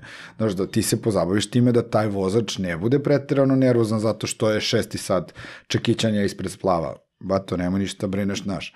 I to da i to da, ti si taj neki bumper. Mm -hmm. I to je ta stvar koja, koja u stvari onda prodaje, prodaje ljudima dalje, znaš, kada on ne razmišlja ni o čemu, samo je njegovo da postoji. To je ono što ljudi ne mogu da razumeju, to je sad potpuno je paralela, onako, Ove, e, zašto su ljudi toliko zadovoljni online kursevima? Ljudi koji ih prođu. A onda recimo ljudi koji nisu prošli su, u su u fazonu kao pa to je već nešto što se već zna. Da, ali neko drugi ti sažvaće proba u praksi i složiti znanja do kojih možeš da dođeš sam u određeni kurikulum koji ti treba da prođeš po određenom redu i da imaš neke vežbe i ostalo. Zato Tako ja izuzetno poštujem gomilu online kurseva, recimo, gde su ljudi u praksi neke stvari probali, jer upravo to, kao što ti sad kažeš, znači, redosled stvari, znači, ne moraš da sad proveravaš tri restorana da biraš između njih, vodim te tamo da je provereno, vodim, da završavam ti sve, sve ono što zapravo možeš sam, samo, samo imaš pitanje, proverenu priču i da budeš opušten. Tako je. To je, skoro smo kupili ovaj, za, za koleginice kurs ovaj, Excel. Mm -hmm. Taj moment gde uh, meni neko objašnjava... Bar u Excelu ima sve svuda. Da. Ali, ali, ali naravno vidi da kada, da platiš. Tako je. Zato što klikni ovde i to ti donosi ovo. Bukvalno ne postoji novac. Znaš, da. ko, to košta neke pare, ali to, to vredi svaki taj dinar. Ja sam to sad znaš, na, na, na, na, na polusatnom sastanku sa Grašićem i njegovom koleginicom Ivanom imao. Apsolutno. Ovaj, gde kao ja dogovaram kupovinu kursa za koleginice. I bukvalno sam bio u fazonu, ovo što ste vi meni ispričali za ovih 30 minuta, carski. To je to. Meni ne treba, lično, treba mi ono, ovaj sledeći nivo, super. Jo, kao, brate, da li bi ja možda mogu da uplatim sebi, znaš? Ne treba mi za tri života da sve to znam, ali, brate, lepo je kad ti neko objasni, znaš? Mm. I to je razlog zašto sam se odlučio kao da je, onda je ovo super za koleginice. Ali to je baš zato što je neko posložio svo to znanje i proces kako se dolazi od toga. Hmm. Ja mogu da ono da googlam svaki put, pa da tražim, pa možda baš kod njega, ono, znaš, kao da odmah tutorial. Našao bi, bi, našao bi, a koliko bi vremena pro, e, o ono, potrošio u svemu to, tome, živaca, koliko bi ti trebalo vremena i sve ostalo tako. i da li bi to stvarno bilo rešenje iz prvog i ostalo. Tako je. A, to je, to je ta priča, da. Uh, čega se stidiš? Iz, ne, ne, Ali Ajde. da vratim konkretan primer iz uh, ovaj, servisa za Anastasiju. Rekao si da ti je to bio prvi ono, VIP klijent. E, pa ne... e, A, možeš da vratiš ono kao... Da, ne, ne, nema baš sad momena kao da se stidim, Dobro, ali, ali, ali da, da, da, mislim, ali da ima stvari koje sam u, u svakom svom projektu vjerojatno mogu nađem stvar koju sam mogu drugačije. Imam tu, pa sad ovaj posljednji, posljednji pregovori sa posljednjom firmom, uopšte nisam ponosan kako sam to hendlao, ali nije, znači, ta količina ono svega koje se desi u ovom trenutku nije mogla A drugačije. baš mi interesuje ono prvi, prvi A, klijent. e, ono. u stvari, šta je bila fora? A, a, ja, kao, kada, kada sam shvatio ko je u pitanju a, i način na koji sam ja došao do svega toga da sve to realizujem. Znači, to, je- to je kako se, nama, kako se meni spojilo sve to, da sam naletao tada na drugara, koga znam kao konobara iz diskoteke Bus od pre hiljadu godina. On počeo da radi na aerodromu, tada je još bio jat, kao station manager u jatu, sretnemo se u autobusu. Ja se nisam vozio busom, ne znam koliko, pre toga slučajno sam nešto, da auto na servisu, nema pojma, sretnem ga. E, ako ti treba nešto na aerodromu, zovi me. 7 dana kasnije pada ovo, razumeš, i kao treba to da je neko sačeka u gejtu, da je dovede, da ovo, da ono. I kao taj moment gde, gde se meni sve to kao takvo namešta, a da onda stigne rider lista, ja se sećam, ona pije a, no sugar Coca-Cola, Dobro, u tom trenutku to je 2008. godina, mi nemamo ni Coca-Cola Zero, ja mislim u Beogradu tada. nije bilo zero, da. A, znači, ali ne pije zero, nego no sugar. Ku moj ima a, Schengen ovaj, vizu, tad su nam trebale vize za izlaz zemlje. I ja mu dajem novac da ide u Segedin da kupi no sugar Coca-Cola, brate. I ja unosim a, paket, dvoli, da li beše dva i po litra bila ona, to, kod nas te flaše nikad nisu bila, to je bilo u Mađarskoj, ona je ona velika ravna, ovako kao raketa, samo još veća. Da, da, da. E, ja unosim paket toga na glavni ulaz u Hajetu i nosim u Regency gde ona spava. Kao, to je, znaš, mislim... A on kao, kume, me zajebaš, treba idem u Segedin, da, ideš u Segedin, bro. Još se idem kupiš Da, Coca-Cola. da, bukvalno. A onda ona, ona se, ona se Ja se sećam tih flaša kad se švarca u benzin. ono. E, e, da, to, da, to, da. znači, a znaš ono tanka ona plastika, ne? Da, da, totalno. Da li je bilo šest ili osam boca, brate, znači, može čak i osam, da ti nalaš. I toga je, to je tad bilo u Mađari, kod nas, ma kaki, kao daj, ja rekao, molim te, šta je s tobom, znaš, da je to najluđa stvar koju smo nabavljali za klijenta, znaš, ni pojada, ali to je bila prva. Dobro. Ali se sećam svoje ono tada, ja i dan danas u ovim godinama s ovim iskustvom imam nekad ono, taj moment kao, brate, hoće ovo stvarno sve da uspe ovako. I tada kao, kume pali auto, idi, znaš, i on to stvarno čovjek uradi. Kažem ti, ono, to kao danas u haje da uneseš nešto veće od ranca na, na vrata i kofera, to ne ide, znači zna se kuda, znaš, on ljudi imaju proceduru, to ja kao kreten, razumem, aj, idemo. I tada, i tada, znaš, ali sve, sve, to je jedna, jedna druga priča, ali uh, sećam se tada, iz toga onda nastaje saradnja sa jednom producentskom kućom ovde, ove, kojima smo onda rešavali sve i svašta, oni su imali, ra- radili su neki, ona je da otvori u stvari taj, a, taj a, reality show, a, zvao se Prvi glas, ne, na BD2 se emitovao nije Prvi glas, a, setit ću Tvoje se. Ne, ne, ne, mnogo pre toga. Uh, setit ću se kako se zvala ta, ta emisija. Ove, I ove, sećam se scene gde oni šalju, odnosno dolazi neki italijan, Mhm. uh, koji je stilista, koji u tom trenutku donosi ja mislim da je cifra bila 20 ili 30 hiljada eura u robi. On donosi one velike transportne lične vojne torbe, samo 3-4-5 puta veće, pune nakita, sandala, cipela, a, ne znam koje garderobe sve, to je sve ono brendirano, to je skup nakita, od ono, on oblači voditeljke i oblači učesnike. Mhm. I on je u fazonu kao tu šta ima da se prijavljuje, razumeš. A, mene zove jedan producent i kaže, možeš ti ovo da nam rešiš na carini, molim ti, treba da se preveze. Ja imam neku Fiat Panda u tom trenutku. A, ja kažem, pa verovatno da mogu, ne znam. Molim ti, kaže, on je zaglavljen trenutno na carini, treba ti špediter. Ja zovem svog druga koji ima špeditersku firmu ja kažem, je, ok, možeš molim te provjeriš ono što se dešava, ja sam krenuo ka aerodromu, pa samo da vidiš u čemu se radi, on me zove i kaže, ba to ovaj tvoj je uhapšen. Kako ne carinski I prekršaj? ja kažem šta?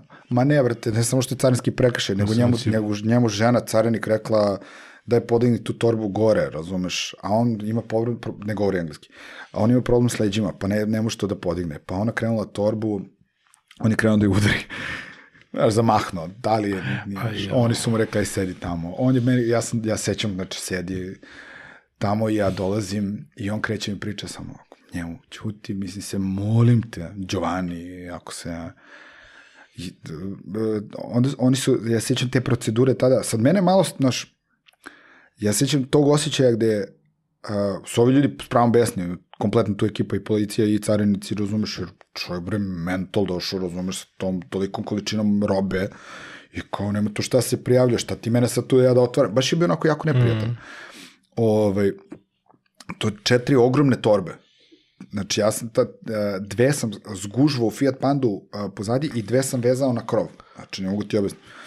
Sećaš se onih malih crvenih Fiat Pandi? Naravno. Onih italijanski poštanski, Da. e, to sam imao. Ne možeš da veruješ. Znači ja ne, znači, ne znam to ne, kako sam ja to radio. Ali cela, cela procedura je onda bila a, da, da je a, špeditorska firma morala da, da fotokopira izgled svakog od tog komada nakita, pa se radila pri, privremeni uvoz. Znaš, pritom njemu sad preti carinski prekršaj, pa ovo, pa ono. I napada službenu licu.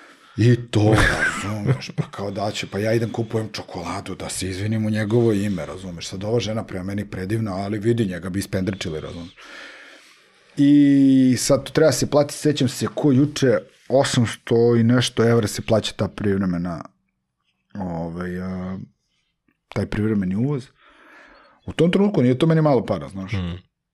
Plaćao mi to, još taj sad špeditor će sačeka za njegov fi i ovo i ono, koš, brate, samo nemoj ja sponzorišem sad naš njih.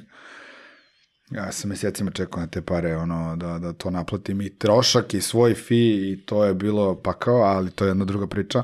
Ali taj moment gde ti ono vadiš nekog iz sranja za njegovo sranje, mi je bio baš ono malo, znaš, bez veze, a onda s druge strane, znaš, kao, ovo je predivna Anastasija, on kakav je lik, nje, njoj je m, momak verenik bio telohranitelj, Ove, i seća se bila fora u srednoći se, ne u srednoći, ali nešto kasno uveče e, me zovu, e, njoj trebalo nešto, u stvari ona je htjela gleda neki film. I onda je jedan od momaka, sećam se, imao 600 narazanih CD-ova, da je otišao kući i da je doneo ono, to kao u hajde, da, da bira šta će gleda, da, znaš, znaš, ono vreme, di- čak, da li su Da, bili, Diviksi, da. da li su bili, da, Diviksi su bili, da, Da. to je to, znaš, tako da ima tih primjera. Ja možemo kratku pauzu da... Obično nastavimo, ono kao, znaš, dopunili smo kafu i ostalo, Da, pa da, sad, da, da nastavimo prirodno. Uh, pričao si mi sada o konsežu, a praktično paralelno sa tim razvijaš ovaj deo sa organizovanjem i upravljanjem događajima. Uh, rekli smo već da su komplementarni, međutim ono što mi interesuje, interesuje me ljudstvo. Znači ti ne možeš sad da očekuješ da ćeš konstantno imati iste potrebe za različite klijente, Naravno. znaš, od, od ovog i od onog privatnog gosta i onda sam shvatio da je većina tih usluga u nekoj saradnji tvoje sa nekim drugim agencijama i slično. Pa, kako kada? Ali sa druge strane važno je ljudstvo. Kako se razvija ljudstvo i koliko ti ovaj deo razvoja ovog oko eventa pomaže da uklopiš to sve. A, kako se razvija ljudstvo? Naprimjer, nas je, nas je u firmi četvoro. I mi smo kor organizacija, jel? To je to. Uh, I mi se bavimo kreativnim uh, i tehničkim, kreativnim osmišljavanjem, praktično tehničkom realizacijom događaja i upravljanjem procesima. Čak se bavimo i fizički ono, izradom uh, scenografije, na primjer. Mm -hmm. E sad, uh, nas četvoro, ja i tri koleginice. A onda ono na, na, na preko omladinske i tome slično imamo tu neke ono fizikalce, momke koji nam redovno pomažu, imamo ne znam, što ono, angažuješ transportere, ovo, ono, mm -hmm. hosting tim i tome slično. I to sad naravno, to ti je potrebno događaj, događaj, to je sve ono, baš omladinska zadruga. Na kraju ispadne ti se samo slikaš s, Tako i na kraju samo, e, to, je, to ćemo se vratiti zašto se, zašto se sada rade stvari, E, to je baš ovaj, do, dobar primer. Ovaj, to, to smo godinama, samo smo to, to i slušali, kao lako je tebi, bre, samo slikaš sa ovim hostesama, šta, znaš. Ovaj, uh, I sad, naravno, uh, mi kao ono, event management agencija imamo određene stvari koje mi radimo sami, proizvodimo, pričamo sad ono, o nekim ono fizičkim proizvodima, lupam, sad je za, baš za taj ono, HLTV pakovanje 500 poklona koji su ono, e, kako se zove, bože, um, hangover kit, jel? Mm -hmm. Ti prosto za to angažuješ ljude koje platiš, naručiš to, kupiš ovde onde, uradiš dizajn, uh, odeš oštampaš, fizički to sve ono doneseš jedno mesto i onda daš nekome ovaj, da to sve popakuje, jel? Nisu valjda pakovali Russell. A, nije bio raso, jedino nije bio raso. ali, ali mislim da je to sledeći korak koji treba uraditi našu male projekte sa rasom. To 100%. Znači, samo baš mora dobro se zatvori. Znači, Srpski, srpski hangover kit. Da, da, da, bukvalno, mislim to pomaže bez problema. Ali to je recimo nešto to kao ti to mora fizički da proizvedeš i sad naravno ti nemaš ono fizikalce u firmi koji ti sede za bez veze, ali ili ne znam te neke ono fine žene koje nama to radi nego to kao angažuješ, platiš, ne, platiš po nekom ugovoru nešto, razumeš, to je, postoje super načini za to kod nas, hvala Bogu. Ove, I kao za, test, za gomilu tih nekih dodatnih stvari angažuješ ljude koje platiš po projektu. Logično. Uh, uključujući hosting tim gde mi ono imamo tim devojaka koje su nam stalno na nekim događajima. E, sad, dolazimo do druge stvari, a to je ono što mi kao nemamo sve u svom vlasništvu, nemamo, na primjer, on, ne znam, svo svetlo i svo, ne znam, mm. sav zvuk, jel? Uh, I onda imamo kao partnersku firmu, ja uvek kažem kao da smo jedna firma i ono ne mogu dovoljno da ih nahvalim, ProSound, ove, gde oni se bave tom nekom ono realizacijom. I radili smo prošlog aprila jedno 18. rođendan, 110 gostiju je bilo na tom rođendanu, 58 ljudi je bilo potrebno da se taj događaj realizuje. Uh, Znači, 58 ljudi je aktivno radilo nekoliko dana da, da realizuju taj događaj, pa onda pričamo o količini ljudi koja je morala bude iza scene i na sceni uh, tokom trajanja tog događaja. Uh, znači, da kažeš 50% ili malo jače od 50% uh, u odnosu na broj gostiju. Uh mhm. -huh.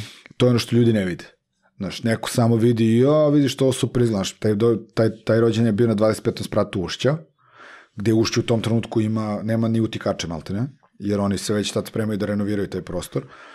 Ove, ovaj, I mi na 25. sprat, to je nedelja uskrsa je bila, ove, ovaj, treba da donesemo sve što postoji. Čekaj, nova zgrada ili stara zgrada? Stara zgrada. Stara zgrada. Sećaš Top of the Hub. Da, da, da. To je taj, to je taj prostor. Dobro, ovaj, lift radi. lift radi, ali se onda desi da imamo uh, basket koji je, onaj, znaš onaj vašarski basket? Aha. E, da on ne može stane u lift. I onda naši dečaci ovaj, peške nose na 25 sprat e, ivice i ono, bočne strane i tome slično. Dušu ispuste, ali lafovi momci, znaš kakvi su. ovaj, I to se donese na 25 sprat tako, na primjer. To je, znaš, i to onda uh, gomilu toga ljudi ne vide. Sad mi imamo tu sreću da naši klijenti to razumeju. A i mi detaljno objasnimo procese i, znaš, kako su naši cost estimate detaljni da ti, ono, jedna parka košta ovoliko da se renta, pa puta koliko, pa hostese košta ovoliko, pa uniforma da košta ovoliko, ljudi za montažu, ljudi fizikalci za ovo, znaš, to sve ti imaš, ono, prosto u kostu i onda ti je jasno šta je. A mi imamo dva načina rada, ili kažem klijentu, uh, ili ćete vidjeti samo finalni proizvod mm -hmm. i ne mhm. pitaš ništa, nego ovo smo se dogovorili, to će tako bude, ili hoćeš da budeš uključen u proces. Meni je cool kad je klijent uključen u proces. Baš o, o, ta klijentkinja o kojoj pričamo, uh, mislim, prosto je predivna žena Mm -hmm. Drugo što ono, razume proces stvaranja nečega. I, i onda ona, znaš, ono kapital treba neka pomoć, znaš, šta još. Sve, meni je neka drago samo ta količina razumevanja od klijenta, ali ovaj, kada smo njoj radili prvi njen 50. rođendan, mm -hmm. uh, ja sam, tad, tad je praktično i upoznajem nešto pre toga, par meseci pre toga i ja sam je tada pitao, hoćete da budete involvirani u proces rada, da vidite šta, kako izgleda, Ove, čisto da ono se i mi upoznamo, znaš, to je prvi događaj, private event je, znaš, to je 2019. godina, Ove, a i da ona, iako živi ovde, nije naša, nije, ove, nije, nije, nije srpkinja, ove, a i da stekne utisak, znaš, da niko ne dere, brate, nego da vidi koliko šta košta. Pa kad idemo da rentamo, ne znam, veštačko, veštačko drveće i biljke, odemo zajedno u firmu koja, od koje rentamo i onda vidimo na licu mesta koliko to košta. I onda napravimo spisak, pa se onda ona ja, onda ona ja pregovaramo direktno sa dobavljačima, jel bismo samo mogli na količinu da dobijemo neki rabat, znaš, pa nas pusti 10, 20, 30%, jel? Pa je onda uključeno u to i onda vidi, znaš, koji je proces i meni je onda mnogo drago kad se to desi. Da, ali potreban je određeni nivo samopouzdanja sa tvoje strane mm. u svoj fi i onda se jednostavno zna, ovo su troškovi, ovo je fi i Naravno, zdravo, ja sam naravno. to voleo milion puta da radim, ja nikad nisam voleo da se ugrađujem u cenu od štamparije, recimo dok sam radio ono samo print dizajn, znaš, jednostavno to košta u štampariji toliko i možda proveriš, možeš sutra da odeš u štampariju da proveriš. Moj posao košta ovoliko Tako je, i tako to je. je to. Uh, kostovi, ko, cost estimati su transparentni i pogotovo što uh, najčešće sve te neke dodatne stvari, nebitno da li je ono naša prva do prve firma ProSound ili bilo ko drugi, najčešće se dešava da, mi, da naši klijenti to direktno plaćaju njima. Mm. Čoveče, to je ono toliko, a mi nemamo nešto, kod nas, mislim, od, ka, od kad sam formirao cene, ono, kad sam počeo da radim, nema, kako ti kažem, cost estimate za, pogotovo kad pričamo o ceni ljudi, ljudi dnevnice, ne znam čega, isti je za sve. Znaš, nema kao sad ovaj švajcarac, ovaj englez, ovaj je, ne znam, naš, ovo je naša firma, ne, sve isto. Jer prvo, znaš, ne, ne, ne, ne, nema, nema špekulisanja. Kako beš onaj tekst, zašto hostesa ne može Ne može da košta? košta 10 evra, da. To je, Čuveni. to je taj tekst, e, na glavu su mi se popali, ja sećam se tada je bilo, ja, znaš, ne znam da li beše ono dnevnica, recimo tada bilo hostesi 20 eura, neto, i onda prvi komentar ispod kako vas nije sramota da naplaćujete toliko, znate li koliko učiteljice imaju platu. Ja kažem, ljudi, što je najjače, gomila tih cura koja je prošla za sve ove godine kroz moju firmu, su danas, neki su profesorki, neki su učiteljice, neke su direktorki, neke su pred- preduzetnice i to je jedna druga priča i savjetovanje koje ja stalno imam sa njima, to je tranzicija između rada na dnevnicu i rada 30 dana mesečno po par sati dnevno i da zaradiš neku pristojnu i takako mm. pristojnu platu ove, i onda od 9 do 5 za dva put manje para. Ove, ali ja kažem, ja se trudim da moji ljudi i ljudi koji su oko mene zarade kvalitetno i dobro. To je moj posao. Pa onda da platim porez, pa, znaš, i sve ostalo. Pa onda neka se neko drugi bavi državom. Nemo ja da rad, znaš, kao privatni da radim. Moje je da, moje je da zahtevamo od države da to bude kako treba, znaš, da zdravstvo bude kako treba, prosveta, putevi i tome slično. Ali, znaš, ne mogu ja zato što su male, ne znam, plate u prosti, ja kažem, evo sad ću mi da ono napla... Ne, vidi, kako ti kažem, kad radimo događaje, to ti uvek ono, da, jao, da, li- da li nam stvarno treba event agencija? Ne treba nam. Ali nemoj zaboriš da ti treba sačekaš goste na vratima. E, Te, ta garderoba mora negde se ostavi, znaš. Pa zovete dobavljač, treba ti donese, ne znam, hranu u sred događaja, ti baš pričaš sa direktorom firme koji treba, s treba da zatvoriš posao, ne možeš se javiš na telefon. Vrate, smor mi na dečijem rođendanu da na sat i po mi stiže torta, razumeš? Znači, sve sam spremio, počeo dečiji rođendan, traje samo tri sata, znaš, i, znaš, ono, torta ne može da stigne pre nego će da stigne, znaš, oni sad to tempiraju kao na sat i po vremena. Zašto? Što vi? Vidiš, e, to je e, čest, čest, česta stvar gde e, kada, kada pričaš sa, sa, sa klijentima potencijalnim, a to je jao, znaš, kao da li nam stvarno, znaš, kao da li nam treba event agencija. Sad im, to, to ti je sad glavni ono jaz između, između event agencija i e, sala za događaje, venčanje i šta ti znam. Aha, aha. To, to ti je glavna fora. Uh, m, gde ćeš ti najčešće čuti od, od ljudi koji su menadžeri tih objekata, koji stvarno tu ima mega, mega dobrih ljudi, mega sposobnih ljudi, ne stojiš bilo što pogrešno, ali kao ma ne, to ćemo mi sve. Uh, I hoće, Mhm. međutim, uh, naš razlika između naručivanja, kako ti kažem, torte za tebe i kupovine torte u Maxiju, u frižideru, je velika. Hmm. Znaš, famo je margarin, znaš, a ovde, brate, ono, pravljeno ovo za tebe. I nije isto, i drugačije, i, i drugačije pristup i klijentu i tome slično. Ja, moj, moj brat od ujaka je ugostitelj ceo život i ima svoju salu za venčanje. I moj najveći rat sa njim je uvek bio, uh, on je old school konobar, ozbiljno kvalitetan konobar Hmm.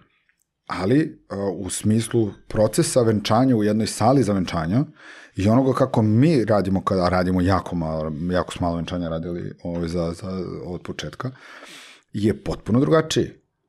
Jer, znaš, industrija radi onako kako je lakše. Pa, znaš, imaš ono famozno ulazak, uh, ovo će, znači, neko, neko će glavu da mi otkine zbog ovoga, ali uh, dolaze gosti, onda dolaze mladenci, mm. tako?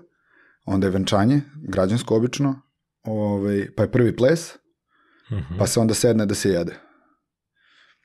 I kao to je to. I sad nam mladinci više ne trebaju, sad mi idemo klop, pa ovo ono, pa band kad se zagreje, onda će kao neko da ustane od džuska. To je meni nedopustivo, bukvalno. Uh, prvi ples je prvi zajednički ples mladinaca koji otvara taj deo zabave.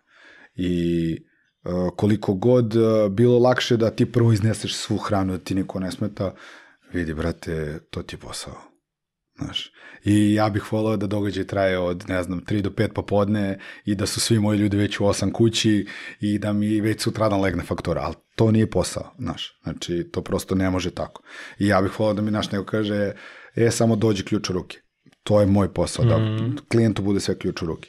Znači, kad smo radili baš naše koleginice... Dobro, ja sam uvijek, moja svadba bi bila drugačije, zašto je konstantno bio švedski sto. Ej, to je... Jer, uh. ovaj, jer je druga varijanta, Ja to znači, volim. znači, mi smo uvijek imali situaciju da, šta znam, moja supruga jede ladnu supu i da, šta znam, između dva plesa ne stignem na sarmu, a ja Da, volim sarmu. da, I, primjer. ovaj, znaš, ono, prosto, Na primer. znaš, stavi bre švedski sto, nek jede ko kad hoće ali, ali fore, fore u da. tome što se ljudi, ljudi a, a, plaše da, e, kod mog brata od tetke isto tako bi bio švedski sto i isti je proces bio, zato što je tako lakše, ali je problem u tome što e, gomila ljudi naravno ne zna, I ti znaš, ti si, pogotovo kad, kad, kad, kad su venčanje u pitanju e, gde još uvek ima i te stare i tradicije i uticaja ko plaća i, Kako ne, znaš, i to, ovaj, pa tu onda treba se izboriti, znaš, ali ovaj, ta uopšte ideja, sad smo se do- dodirnuli toga, ovaj, ta, ta uopšte ideja da, da, da mladenci treba se pate na svadbi, naši da stoje ne znam koliko sati da se slikaju i da oni zadnji jedu i tome slično meni urnebesna bre čoveče. Znaš, ono, zamisliti jednu uh, mladu ženu koja bira venčanicu tri meseca, ubi se od probe, jer je stvarno proces i stvarno treba zadovoljiti to. On, kriterijum je onda Znaš, ona treba stoji, ne znam, 8 sati se slika s gostima i da na kraju što ti kaš jede ladnu supu. Čekaj bre, stani bre, to je njen dan, to je njegov dan. Znači, mladenci moraju da ispuštuju sve goste, ali isto tako postoji, brate, i nešto drugo što Kad se... je mo- ljubljenje i slikanje odvojeno, tek, tek duplo.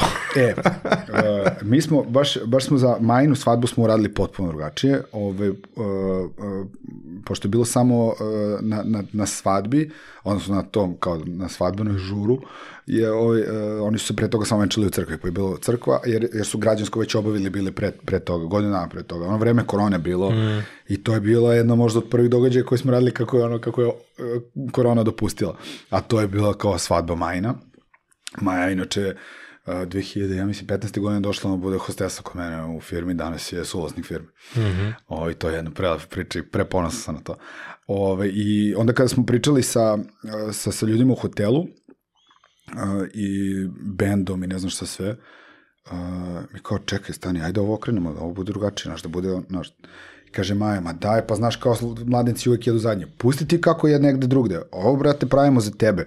Dokle god su i njihovi roditelji... Prvo da jedu. Pa, znaš kako to? Znači, bukvalno smo radili ovako. Um, sa, oni su sa, sa, sa venčanja smo otišli na Gardoš, ne, bože, na, na Zemunski da se slikaju, mm -hmm. na Novom Beogradu je hotel bio gde je bilo venčanje, svi gosti su došli umeđu vremenu i čim su krenuli da dolaze, odmah smo krenuli da služimo hranu gostima, razumeš? I a, onda su oni ušli, bio onaj naš pozdravni aplauz, jel, kad u, u- uđu mladenci, i a, mi smo samo najavili da će hostese ići od stola do stola da ih pozovu na slikanje i da svi nastave sa, sa hranom. I došlo se do sarme, dok su oni došli tu. I sad ti sediš na stolu broj 4, lagano krkaš, dok se sto broj, broj, broj 3 slika. Ti nemaš šta stojiš u redu, mm. razumeš? Ustalo je tih 10, 8, 12 ljudi, koliko već bilo za stolom, fotnuli su se, vratili se za sto, došao hostesa i tebe dovode, razumeš? I ceo taj proces je bio potpuno drugačiji. Ajde, Teče. treba... Teče. Znaš, i nema, niko nema neprijatnosti, jao žene stoje, jao pa te cima, ti si naš ono taman za glabo sarmu, razumeš, ja kao ajde sad ustaje da slikaš. Ne, znači možeš, ok, daj, ostaviš pet minuta. Koliko ti treba da odeš, da začekaš mm. osam ljudi ispred tebe, da se slika pet minuta, ni tri, ni tri minuta, jel? S tim što tih osam, verovatno dve grupe po četiri, sad da su porodično sve. Pa je ono, tako, bukvalno. O, još smo imali dva seta fotografa, dva snimatelja, znaš, sve, pa je sve teklo. Kad se sve to završilo, ajde vi sednete da malo dođete sebi, gricnete nešto ako hoćete, popijete nešto, pa ćemo kad vi dođete sebi da krenemo sa žurkom. Mm. I tako smo i radili. I onda je bio taj ulazak prvi ples i ovo i ono i onda žurka. Po, I, onda, I onda ljudi, ono, počelo kupi, ne znam, u pola četiri, u pet i deset je počela žurka i žurka nije stala do 11 uveče. Znači nije seo niko. U cugu, da. Jer, mislim, bend uradio laovski posao, mm. naravno, i to je bitno, da ti znaš da bend to može, ali to je opet posao mm. tvoj, Ove, ovaj, iako mladici su naši te bend bili, on, ma, fantazija bila, ali, ovaj, hoću ti kažem, Uh, to ti je to ti je sad ona personalizacija procesa i, i protokola i svega gde ti moraš da se boriš sa, sa, sa, sa nekim industrijskim standardima i normativima. Znaš, ti sad odeš i zakupiš neki prostor i oni kažu, znaš, mora naš fotograf, mora naš zvuk, mora naše svetlo i ljudi često pristaju na to. Negde moraš. Ali, znaš, nama se to desilo skoro da, da, da, da Uh, ja sam napravio screenshotove, uh, bili, bili smo na događaju za jednog klijenta, koji smo mi nešto radili, delom, ove, i da je onda to sve identično, dva dana kasnije, isto sve. Isti ekran, ista muzika, isti zvuk, isto, isti stolovi, ista hrana, sve, sve, sve, sve isto, samo druga firma. I ti mm. pogledaš jedno i drugo i ti ne znaš čemu se radi. E sad, fora u tome što će neko biti zadovoljan time. Što mene užasava kao, kao čoveka iz, iz posla. Znaš da ono prosto dva identična događaja. Znaš kao, brate, to su, nebitno da li je korpo, da li je svadba, da li je bilo što znaš, Meni je to užasavajuće. U momentu gde za jako malu razliku, čak možda i ne razliku u novcu, ti možda napraviš potpuno razliku, mm. da to izgleda potpuno drugačije. To ljudi ne vide. E, Znaš, to ljudi ne vide. A možda vide tek kada im se, kada im se stavi baš pred oči. Mm. E sad, naravno, naš, i nekada ne želiš da uvrdiš klijenta i mu kažeš šta ti je, brate, ovo trebalo, pogledaj, evo, ti si pravi ovo video, ovo posle tebe pravi isto. Ili, znaš, ili obrnuto. Znaš, ja ti, znaš, kao moramo da pravimo tu nekada razliku. I mm. naši događaji se zaista, moram da kažem, razlikuju apsolutno od, od, od apsolutno mogu kažem i svih drugih, jel? Mi, ka, pričam kad radimo događaj u kompletno našoj mm. produkciji, da se mi stvarno trudimo da to bude drugačije. Znaš, nekad nije lako da ti ono, ne znam, Hayat koji ima onu lepu salu, znaš, pa treba da uradiš nešto drugačije. Sad smo, pa smo uspeli to naš. Ili, ne znam, Crown Plaza čoveče. Njihova sala je ono napravljena da ti možeš u njoj da napraviš šta hoćeš da izgleda drugačije. Naravno, pitanje je i budžeta i svega. I imaš gomilu tih nekih sala, sad sve sale za venčanje izgledaju isto i to je užas tek, ono, što su sve pločice i ne znam, um, isti lusteri i mora i to negde, znaš, kao da ja razumem, ali opet i to možda izgleda drugačije. Da, ali ti radiš jako veliku frekvenciju stvari u jedinici vremena, mm -hmm. a ljudi organizuju to kada su u pitanju korporativni događaji, to su jedan, jedan dva događaja godišnje, to da. kada su u pitanju svadbe, jedan, dva u životu, da. ovaj, znaš, da. Ovaj, druga skromnija. Da. A, znaš, tako da, uh, Poenta što ljudi možda, znaš, M neće da se cimaju, drugo ne znaju da je nešto dostupno, treće naplašeni su, da. naravno što sada što je cela industrija skočila baš posle pandemije i svega toga, ovaj, to baš i hoću da te pitam kako, je, kako ste taj deo preživjeli tu čuvenu 2020. Ali, znaš, prosto mislim da ljudi koji nisu toliko u tome, niti vide razliku, ovaj, niti mogu da, da provale šta bi mogli bolje. I često se uhvate za ono što im je najsigurnije da. i, i naravno i financije. Mislim, oni misle da će nešto da uštede nečim, znaš, ko što, kad se vežeš za jeftinog majstora. Tako je, da. I nisi svestan. Ovaj, uh, mi smo, ja recimo primer taj, uh, da li ušteda ili ne ušteda, uh, je prošlog, bože, septembra, ako se ne oktobra smo radili, po preporuci e, smo došli do klijenta, uh, radili smo, pa da kažemo praktično otvaranje tog njihovog izložbenog prostora, Ove, oni se bave proizvodnjom i uvozom ovaj, uh, kuhinja i tog ono materijala za interijer. I oni su imali slično nešto godinu dana pre, čime su oni bili mega zadovoljni. Mm -hmm. privatna kompanija, velika, znaš ono, pravi gospodin vlasnik, čerka je potpuno onako zasluženo došla na mesto u marketingu, pa, pa onda ima direktorka marketinga koja je sa strane i tome slično, ovaj, koji kažu, vidi, mi smo ovo imali i nama je rečeno da vi to možete da uradite drugačije, da se mi necimo, ali da izgleda bolje. Uh mhm. -huh. Ja kao naravno, daj da vidimo šta ste radili. Sad, oni ljudi su imali balone pored vrata, imali su neka dva zvučnika, neko im je puštao muziku i neko je dono hranu. I oni su time bili mega zadovoljni. I njima je bilo strava. I oni su imali žurku koja trajala do 3 ujutru i dan danas prepričavaju o tom. I neki ljudi koji su došli na, na taj događaj koji smo mi organizovali su nam pričali o tome i kao, jao, sećaš tamo, naš, super je bilo. Međutim, a, mi kažemo, dobro, hoćete isto tako? Pa kao, znaš, evo da imamo te balone pored. Kažem, baloni pored vrata ne dolaze u obzir. Mislim, prvo nije deče, nije deče rođena, drugo, ne radimo to. Ne znam, imamo roll-upove, štampali smo. Mi roll-up ne koristimo, evo, ne znam, od novog vinudolskog čoveče, znaš, bukvalno. To pa ne, zadnji put smo ti imali... 2014. 13. 13. vinudolski, da. 13. bio vinudolski. Ja, imali smo na, na, Novoj energiji, smo imali zadnji put. Ti i ja zajedno. Ovaj, kao pa nego, ja, ali imamo i ovo fotovol, ja kažem, onaj kineski, jel, na magnetaš se, kaže, daj, kažem, nema šans, zašto, rekao, "Pa sad postoji razlog zašto se to, zašto mi to ne koristimo i ne damo klijentima to koristiti. Prvo, zašto izgleda užasno, drugo, što taj ono kineski roll-up, bože, fotovol, ljudi vole da se naslonaš, pa ti ga čvakneš, ono ode, onaj magnet jedan za jedan, pa onda uh, treba piše, ne znam, uh, story, a onda je T ovde, ovo je ovde, razumeš, i vidiš onaj gap koji se napravi, i to ni na šta ne liči, i tome slično, I ona kao, pa čime ćemo zamenimo balone? Pa ajde mi da damo predlog. I onda mi damo predlog svega, pa tu budu neki LED ekrani, pa se napravi taj custom made fotovol i tome slično, pa tepih ispred. Mislim, sve to, je, kao sad tu ne znam šta, to je sve stvarno jednostavno. Gde oni ljudi podvuku crtu posle svega i kaže ovako, nas je ovaj događaj koštao toliko malo više nego prošli, mm -hmm.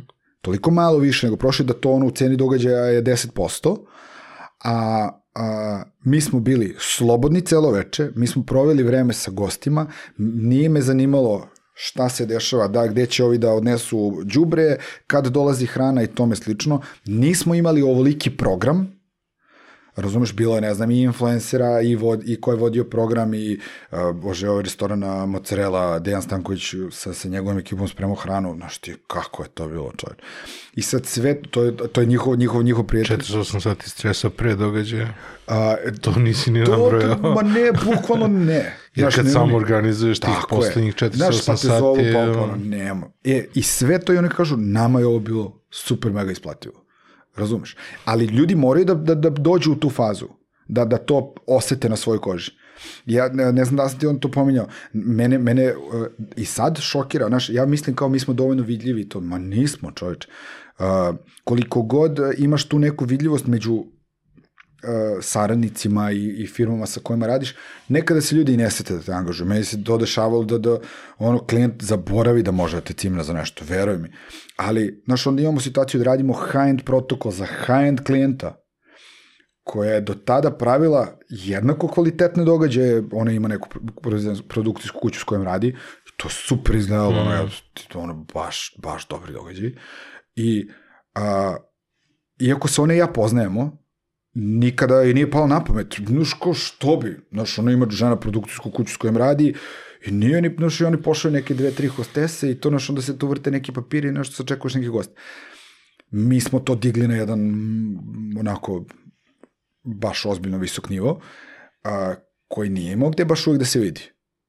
I kada smo joj preporučeni, odnosno kada je došla na događaj pre, pre njenog i kada je videla kako to izgleda, bilo u fazonu, ja hoću ovo. Mhm. I ta, taj naš servis nije jeftina stvar. Zaista nije. Ali kada ti doživiš to, tu vrstu silent protokola gde, se, gde ti goste dočekuješ bez da ih prozivaš, gde imaš ceo tim ljudi koji te ljude prepoznaju, gde postoji tačno kuda ko mora da dođe, gde je radio veza, gde su svi tableti, naravno, ovaj, gde mi ono, imamo taj neki sistem javljanja, itd. itd. Znaš, ti se pojavljaš na događaju i tebi se prva, prva, prva, prva osoba ono, pred vratima obraća se dobar dan gospodine Ćosiću, dobro večer, mm. dobrodošli. Bez da se ti predstavio. Znaš, to kada dolaziš na tu vrstu događaja nema cenu. Mm -hmm. I, I onda mi ona šalje posle svega i kaže, jao, hvala, ono, vi ste meni sada sledeći događaj nezamenjivi, ja nisam ni znala da ovo postoji. Mm -hmm. Sad meni je drago, znaš, ali takvih još klijenata u Beogradu ima još 10, još 15, možda još 20, možda još 300, ne znam, ali nisu imali prilike da to vide na svojoj koži. Znaš, da, da, da, da, da nas angažuju i da, ili da budu ono pozvani na događaj gde mi to, gde mi to radimo. Kad smo to radili za St. Regis, Mm -hmm. to je ono, Tijana, uh, bože, uh, ti, Negovanović, Tijana, ovaj, uh, kada je, kada je ona, kada nas je angažovala za to kao ono, direktorka marketinga ovaj, uh, St. Regisa, cijela ta priča koja, koju smo tada ispričali i način organizacije svega je, je bio nešto što je ona znala kako hoće da izgleda i što je odma i, i, i s njene strane uh -huh. i sa strane, uh, mislim da je Dina direktor prode, ovo je prihvaćeno apsolutno. Ali onda imaš situaciju da ti nekom, ko je tu jedan, jedan od ono, šrafova, na primjer šef, uh, uh, šofer servisa, vlasnik, uh, da kaže on meni, na primjer, sad, ne, opet naš kao stvar da ja kažem, vozila moraju da dolazi iz ove ulice. A dobro, a šta ima veze, kaže, ako dođe odavde? Zato što mi moramo da ga vidimo kad dolazi odavde. Znači, mi smo postavili ljude koji gledaju ko dolazi. Znamo gde ko će da bude. Aha, znaš, nije razmišljao o tome. Mm -hmm. Znaš, ali je, najlakše je, brate, kad uđeš ono, ispred geozavoda, da ga smotaš u suprotni smer, ono, na, na kružnom toku, dođeš iz uh, Karđorđeve, pa smotaš na kružnom toku, pa zabodeš ovako mm. ispred, znaš. Prvo ne bi smeo, a drugo, molim te da dođeš, kad shvatio bi u fazonu, aha, kapiram. Znaš, da, da, da. ali lakše je bilo, logično, se zaletiš odavde, smotaš i istovriš gosta, mislim, kod je bitno. A, I onda, naš, moraš da prođeš i taj proces sa, sa ljudima, opet, to je zato što je lakše. Ali mi, što bi rekao Zdravko Brkić, mi smo ti koji postavljamo standard time što zamišljamo i tražimo drugačije. I mi vodimo primer da to treba drugačije. A kako, kako se ti upgradeš? Kako ti shvatiš da nešto što si do tada radio je zastarelo, kada shvatiš da je taj flipchart ili ono vol ili ostalo zastarelo, da postoji nešto novo, da li ti klijenti pomere u, sa svojim zahtevima u novom pravcu, pa ti onda to mečuješ i ove, dostigneš taj nivo ili prosto kako osluškuješ šta radi, jer često se dešava da se zatvorimo u svoje neke Tako balone da, je, i da misliš da je, da. ovaj, da je to što to ti radiš to to uh, i nemaš priliku da odeš i na druga mesta gde rade neki drugi ljudi. Ovaj, kako, kako pratite vi trendove i kako ih dostižete? Evo, pre nego što ti odgovorim na to, daću ti primer. Uh, pre, pre korone sedim baš sa kolegama iz Pro Sounda i kažem, braće, znate šta bi mi morali? Da jednogodišnje u bilo gde u Srbiji prihvatimo da radimo korporativni događaj, proslavu firme, 18. rođendan, svadbu ili bilo šta, po standardima i željama lokalnog klijenta. Ne da mu mi pričamo šta i kako, nego to što lokalni klijent hoće. Kažem zašto? Zato što mi živimo i radimo u ono, eho komori, radiš sa korpo klijentima, radiš sa ozbiljnim marketičkim agencijama gde rade neki super kreativci, jel?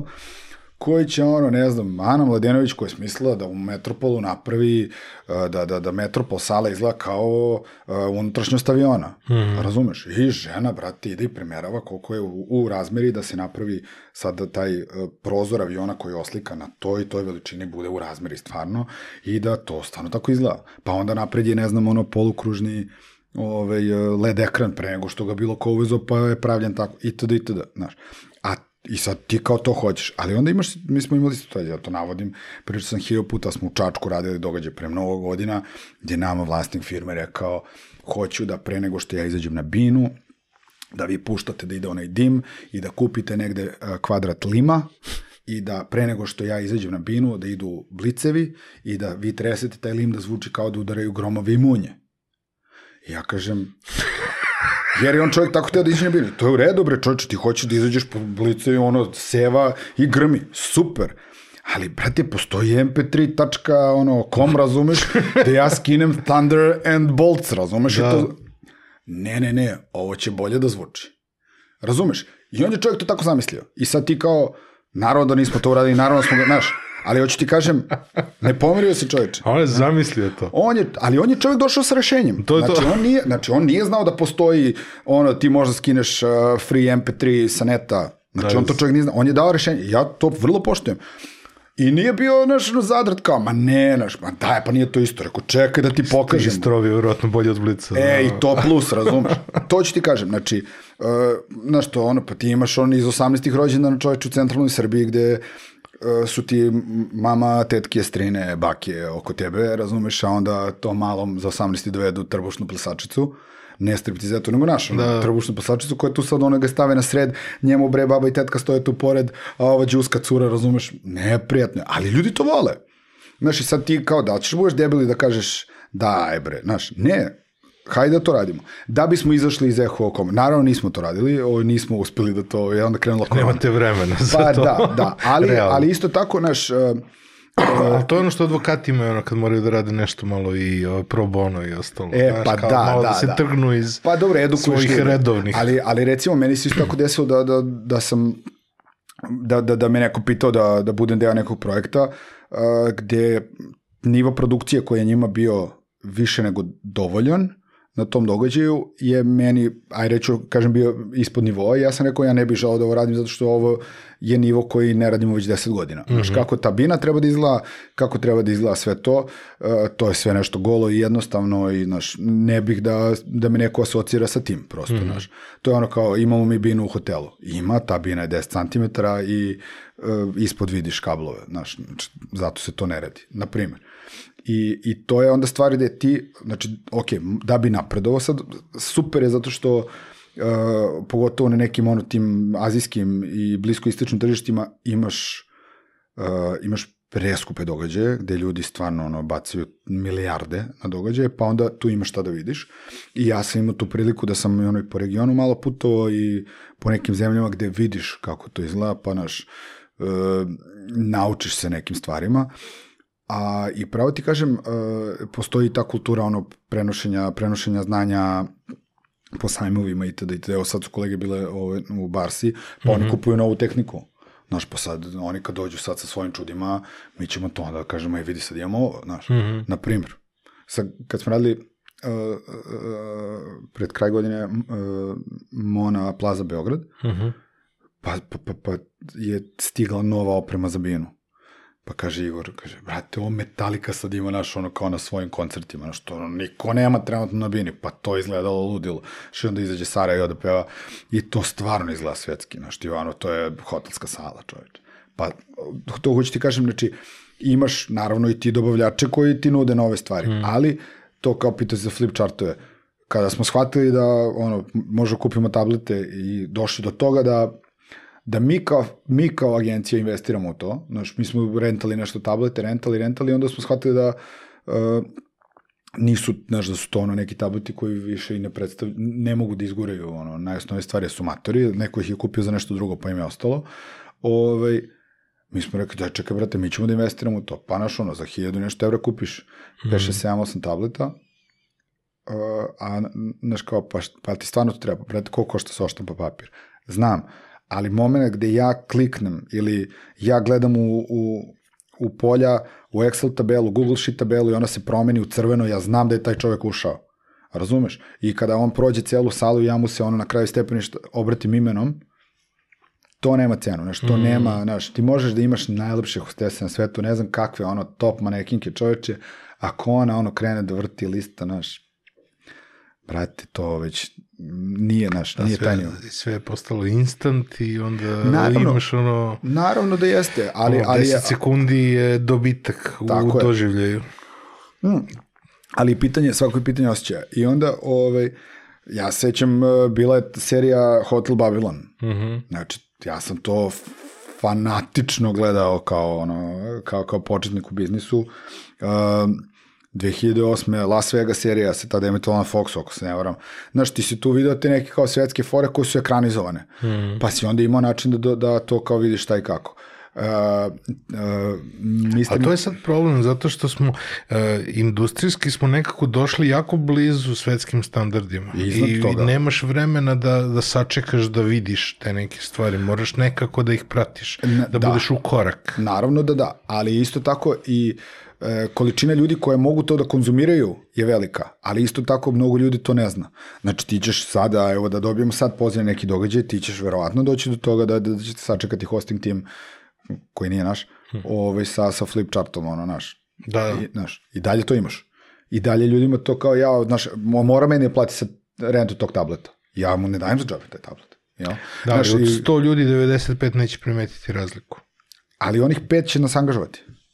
I tih pet će reći, To jest. i tih pet će reći tom čoveku koji je organizovao, koji je naručao za događaj reći, brate, čekaj bre, pa što imaš ovo, majke ti, šta, kako si ti ovo papiri na uzu? Mm. Znaš, mi smo sad tu imali baš sa, uh, da ne pominjem ime, ime firme, uh, jedan od njihovih direktora je naš kolega, sa, kolega prijatelj, koji je ovaj rekao, čoveče, ja sam bio na, na, na rođenu svoje firme, koja je velika firma, brate, to ono nije se znalo ko gde sedi.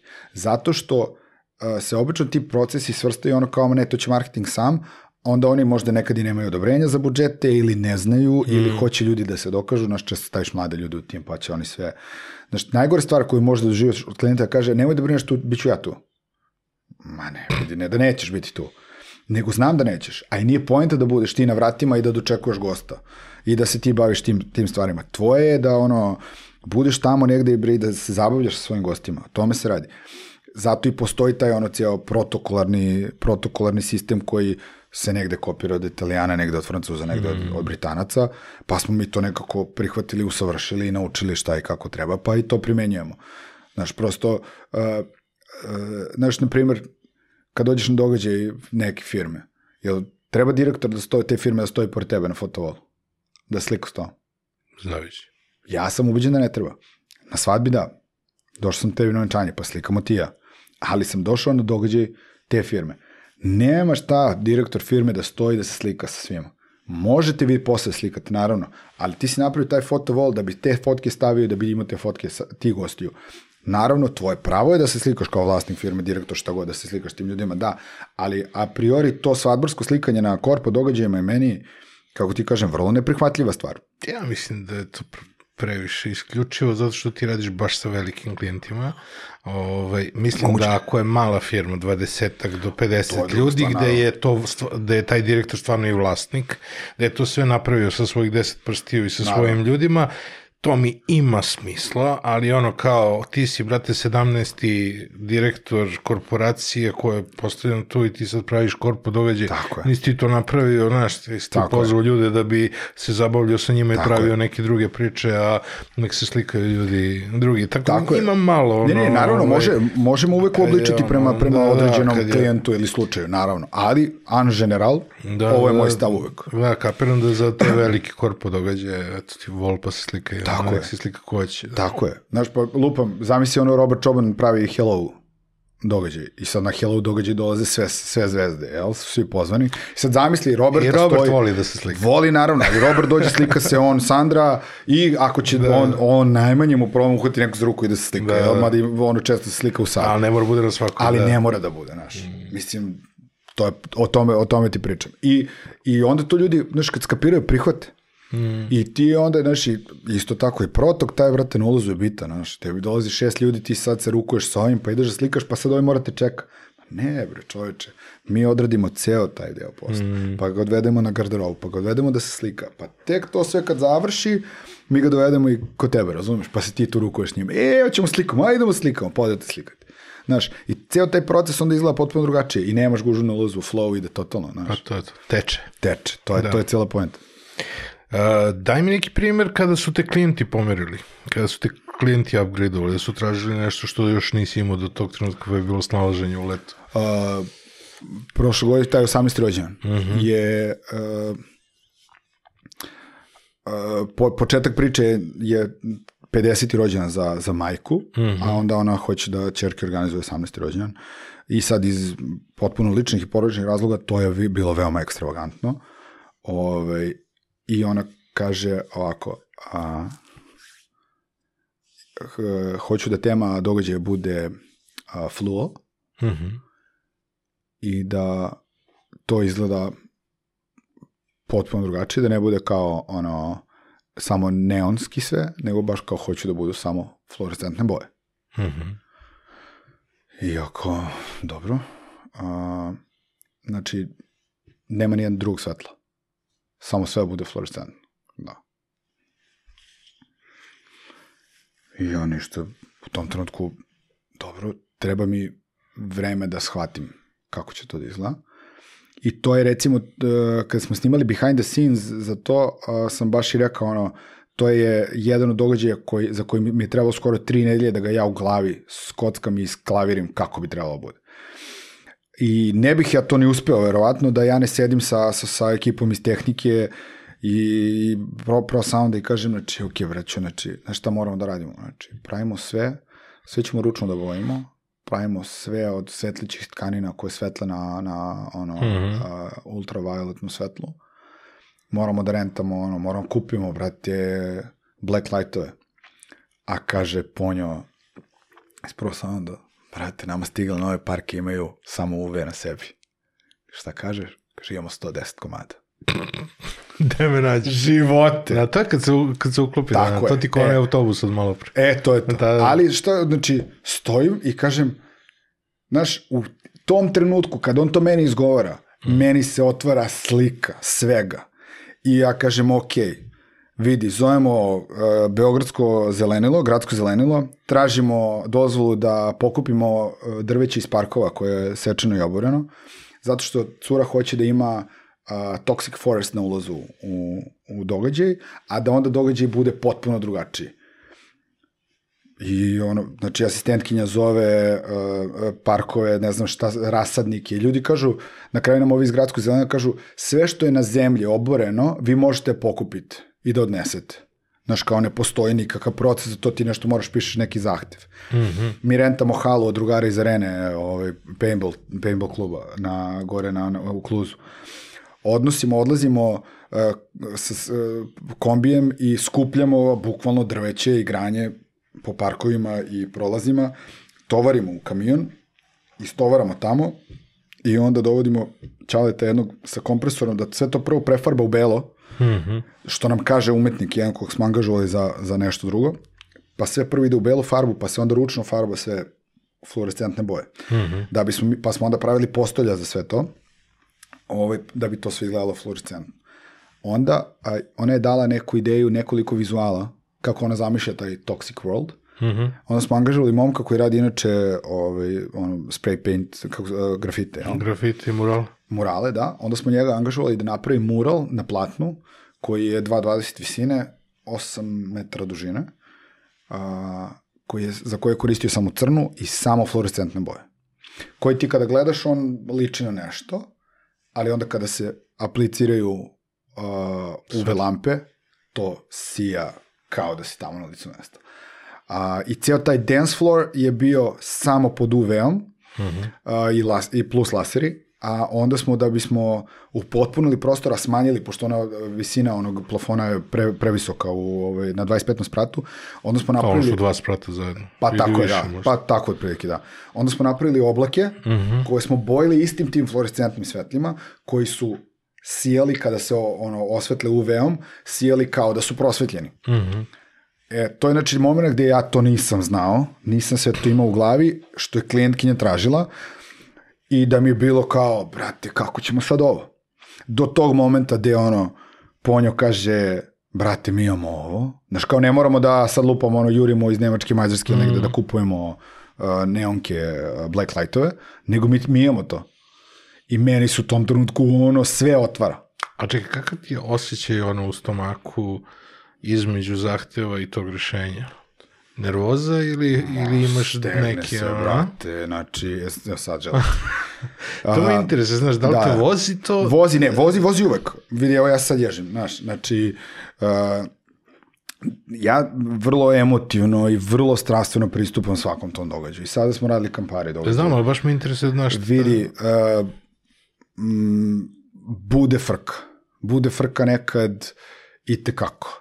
Uh, znaš, za taj događaj, za taj, za taj na 25. spratu, uh, ok, mi smo u procesu stvaranja uh, imali taj moment da smo mi doneli parke na, u tu halu, pa pogasili svetla, pa kad smo prvu turu ofarbali i uprili svetla, ja sam rekao, to je to. I onda više nisam imao strah. Znaš, ali do tog momenta gde si ti već ušao u proces, vrlo je, znaš, kao, vrlo je da li će da uspe. Uh, sjetit ću se skoro šta je bilo za, da, um, za, za, za, za, za Monu uh, sam zamislio da, da ćemo da imamo ekran koji se pomera uh, koji, koji će da, da, da stoji, ja sam teo da bude na nekim šinama, onda smo shvatili da ne, da ne treba šine, nego da imamo opciju da bude na točkićima i to zamišljamo, Igor uh, Igor i ja, Igor je vlasnik Pro Sounda i ja stojimo sa Majom koja je, znači, meni desna ruka i partner i, i čuvar razuma i Anja koja je njima direktorka produkcije ili direktorka eventa. I ja pričam i kažem, vidi, ovde ćemo stavimo ekran Mhm. 2 metra puta metar, na njemu će da ide odbrojavanje i onda ćemo taj ekran da povlačimo, ako će bude zaves od okolo, onda ćemo taj ekran da povlačimo unutra. I taj ekran ide, gosti ulaze za tim ekranom. Igor, ja kažem, najlakše je da uzmemo vratno šine, one za, za, ovaj, a, za kameru, mm -hmm. znaš, i da na to montiramo. I on kaže, a nije nemoguće. Znači, Igor ne bi rekao ne, ne može, nema šanse. Znači, to je najveći problem kad ti imaš čoveka koji se jednako loži na svoj posao kao što se on loži na svoj posao kao i ja i onda sve hoće, razumeš? I to znači, tu ono... Nema niko da vas koči. Da, da, da, da, da, znaš, nema, jer ne, ne, ne može niko njemu kaže ja to, znaš, ne može. Ali imaš, imaš gomilu onih ljudi, oni što sve odbijaju u startu. Naravno, to kod mene, znači, ja, stvar od koje pizdim je, ja, znaš, ali problem je zato što, šta je problem? Znači, on je mogao da kaže, ja, brate, znaš problem, ali to ne postoji. Ne, nego je rekao, vidi, nije nemoguće. Ali nećemo da stavimo na šine, jer nam treba taj prostor, nego imam ja opciju, brate, imamo nešto već spremno što ima neke točkiće, pa ćemo to da opteretimo popom, pa ću napravim konstrukciju koja će da nosi ekran. Razumeš? On je u trenutku smislio. Anja stoji sa strane ovako. Kaže, Maja to kad pripričala, kaže, ja gledam situaciju, misli se da će Anja, kaže, daj, nemo se ložite. Ja hoću da bude, ali sam opet u fazonu, brate, preterali ste ga obojica, razumeš? I to se dešava. E sad, šta je fora? Ti skupljaš 100 ljudi koji treba da dođu na događaj. Držiš ih u jednom delu sale, jesi pregradio zavesom, imaš samo taj ekran i nećeš da ih pustiš da vide kako izgleda sala, jer imaš ceo proces kao kad počinje, kad izlazi glavna zvezda Sara, počinje, otvara događaj, nego držiš ljude tu dok se skupe svi, dok se slikaju i onda počinje muzika, puštaš dim sa svih strana, jedino što gosti vide, vide zavesu zelene boje u bojama ovaj, hotela i vide taj ekran. I na tom ekranu počinje odbrojavanje, ide neki to nešto. I broj 10, 9, od 20, idu neki blicevi, šta ti ja znam. I onda kada izbroji do 1, piše follow me. I zavesa se otvara, hosting team i neki ono lepi momci otvaraju taj, tu zavesu, a ekipa vuče taj ekran i ulaze u mrak. I onda ulaze i tu onda počinje emitovanje spota, u mrklom mraku počinje emitovanje spota, jednog drugog, i onda izlazi Sara i počinje kao žurka. I ceo taj proces je u mojoj glavi izgledao vrlo savršeno. Može se desiti kao što se desilo da se hostesa sapleta srećom, samo je samo se potakla, nije pala, ali može da padne. Može da se desi da ovaj vama uplete kabel. Da, bi, da se to ne bi desilo, Igor, vlasnik Pro Sounda, je taj koji stoji u mrklom mraku i vuče kabel. Razumeš? Znači, ti se svoje ručno baviš tim, tim, tim događajem. Znači, on koji ono, može čovjek sebe priuštiti da ne radi, ne, on je rekao, ja ću, brate, vučem te. Razumeš? Ja ću se baviti time. A, a moja dva dečaka, ono, obučeni u crno, vuku tako lice unazad. I onda sve to prođe. Ja se sećam tačno da kada je počela žurka i sve, ja, Maja stoji na vratima i kontroliše ulaz, ja se okrećem ka njoj i pokazujem mi ruku koja drhti. Jer mi je, ono, već mi je počelo da me pegla adrenalin, da, znaš, kao, sad je to, to baš kako treba. Znaš, kao, to je baš ispod kako treba. A onda, kao, završila se žurka i sve, jedna od uh, influencerki iz regiona kaže ovako, a ima neki onako akcent, malo, malo, malo onako, da li beše Bosna, znaš, kaže, a uradio si nas, frajeru, e, svi mi ono 20 nas stoji sa onim telefonima i gledamo onaj ekran i ono piše follow me i ulazi unutra, a mi svi one telefone i svi kovčice za onim ekranom. I sreće sedi direktor ovaj tu uh, Mone i ja kažem, to je to. To je bio razlog, to je bio način, znaš, to smo mm. hteli, to smo dobili, to, znaš, i onda je to neko prepoznali su ti ljudi koji, zbog kojih je pravljeno to. I, ali je meni vidite kako frka bilo, ono, znam da će da uspe, znaš, mm. ali ti je opet mega bitno. E, danas mi baš prijatelj rekao, e, znaš, kako imaš to kao emotivno praženje, kao što mi se desilo posle ovog poslednjeg događaja, a, gde sve prolazi kako treba i svi te pohvale, gde ja, ono, knedla, brate, zaplako bih jebate. A mi kaže, to ti je to, znači, ti si se spremao, ono, tempirao si formu za ovaj performans, mm. znaš, ono, skačeš, ne znam, skoku dalje. I uradio si to što, znaš, skočio si taj rekord, skočio si to što si očekivao, uradio si taj događaj tako kako treba, svi su to primetili. I, brate, ti si posle toga, jevate, znaš. E, kako e, izgleda taj dan? Prošli put ne, se raspokao. ne down, nego spuštanje, kad te, ne, spuštanje o, adrenalina. Uh, bukvalno se raspokao prošli put. Mm. Bukvalno, znači ne krijem ništa, znaš, kao, meni je taj moment, ono, tog uspeha cijele moje ekipe i toga da, ono, da, da, da, da su svi u procesu uh, vrlo prepoznali kvalitet toga i da, je, da smo dobili više nego što su oni očekivali. A da čovjek koji je mene tu preporučio i meni rekao hvala ti mnogo na ome. Mm. Znaš, mislim, ja sam njemu zahvalan što, što, što nas je preporučio i što nam je dao posao, ovaj, koji je prepustio svom ono, čovjeku koji je direktor marketinga ili šta god. meni je prvo bilo bitno da ja njega ne obrukam, jel? Prijatelji smo. Drugo, jedan od najvećih svetskih brendova.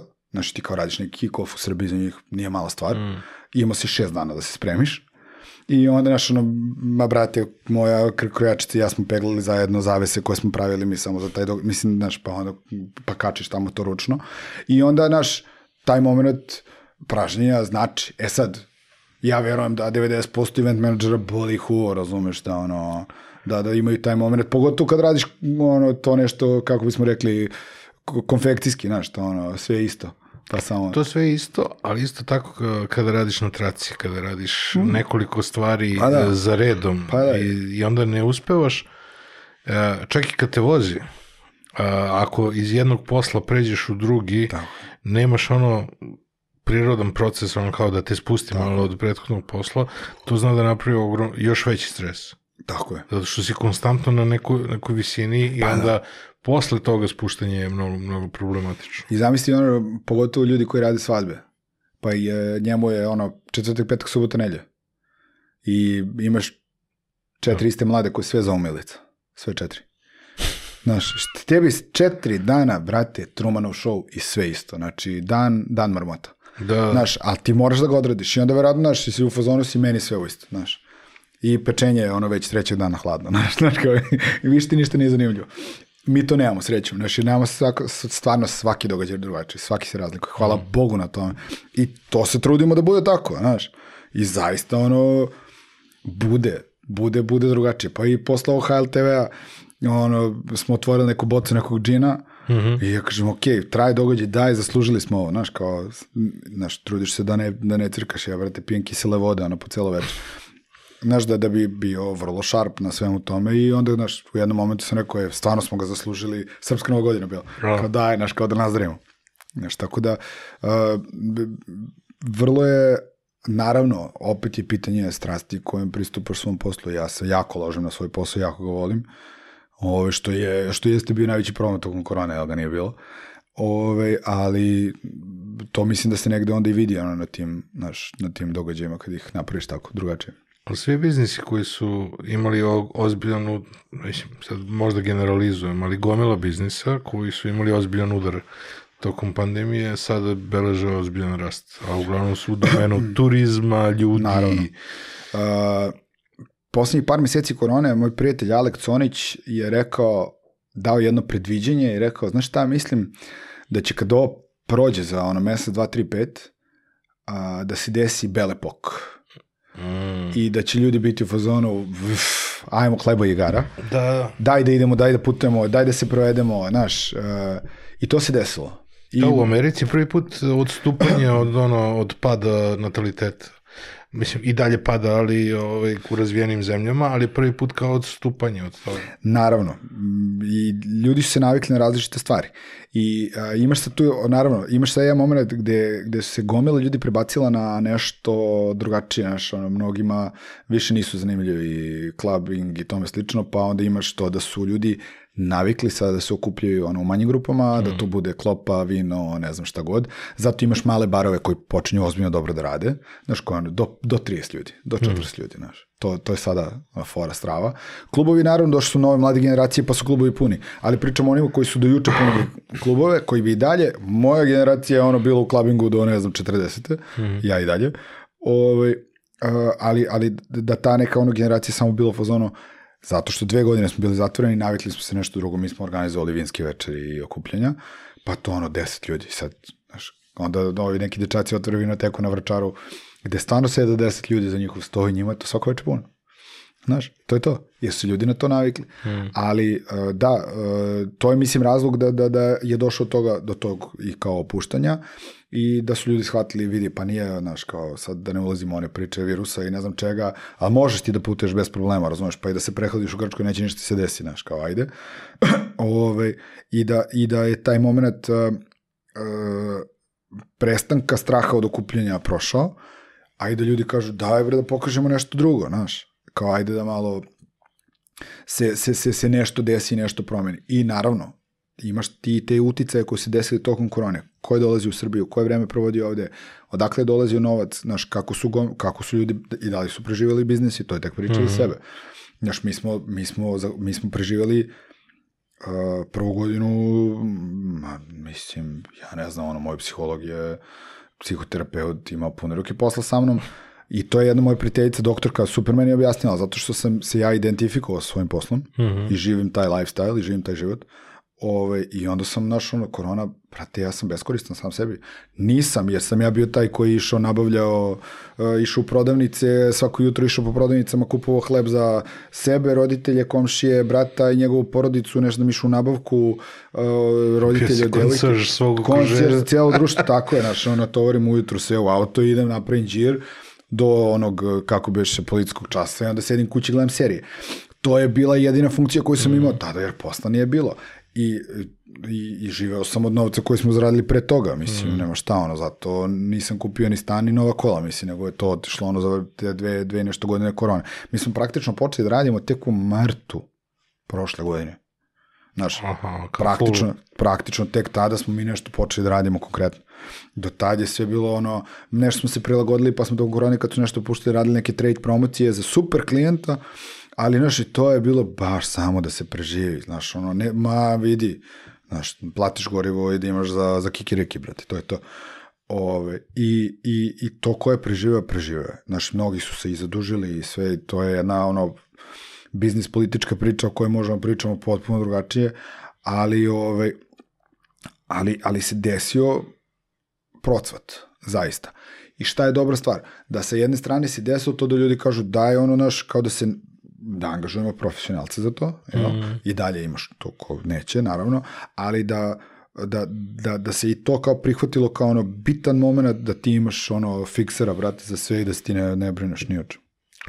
Da, on možda i sve više ima ono, jednom se živi, mnogo su više ljudi prešli u taj mod, ono kao, Ima daj bre da platimo, tako je, ono, ima, ima, ima i jednom toga. se živi. Ima i toga. Nema, mislim, nije bilo drastičnog, kako ti kažem, skoka budžeta. To ne, to se nije desilo. Desilo se da, da, da, da, da, da se pojačala frekvencija. Da ljudi koji ni, znači, firme sa kojima smo radili ranije, ostali su na istim budžetima. Nisu ih ništa smanjili, nisu ih ništa povećali.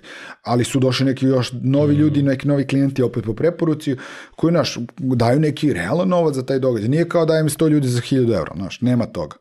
Baš nije, ali ovaj ali ali je dobro da se da se frekvencija povećala svakako. I mislim ja sam stvarno ono prezadovoljan zbog toga.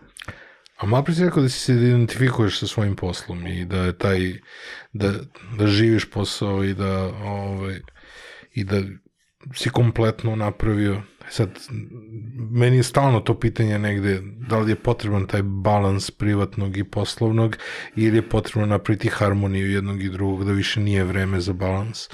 Ove, kako se to sve što radiš od slikanja sa hostesama Da. do, ove, do svega ostalog odražava na, na privatni život? A, pa na privatni život srećom a, u, u, nema nema negativnog aspekta, da budem iskren. Ovaj znaš to je ono najčešće pitanje jao kako te devojka trpi tome slično.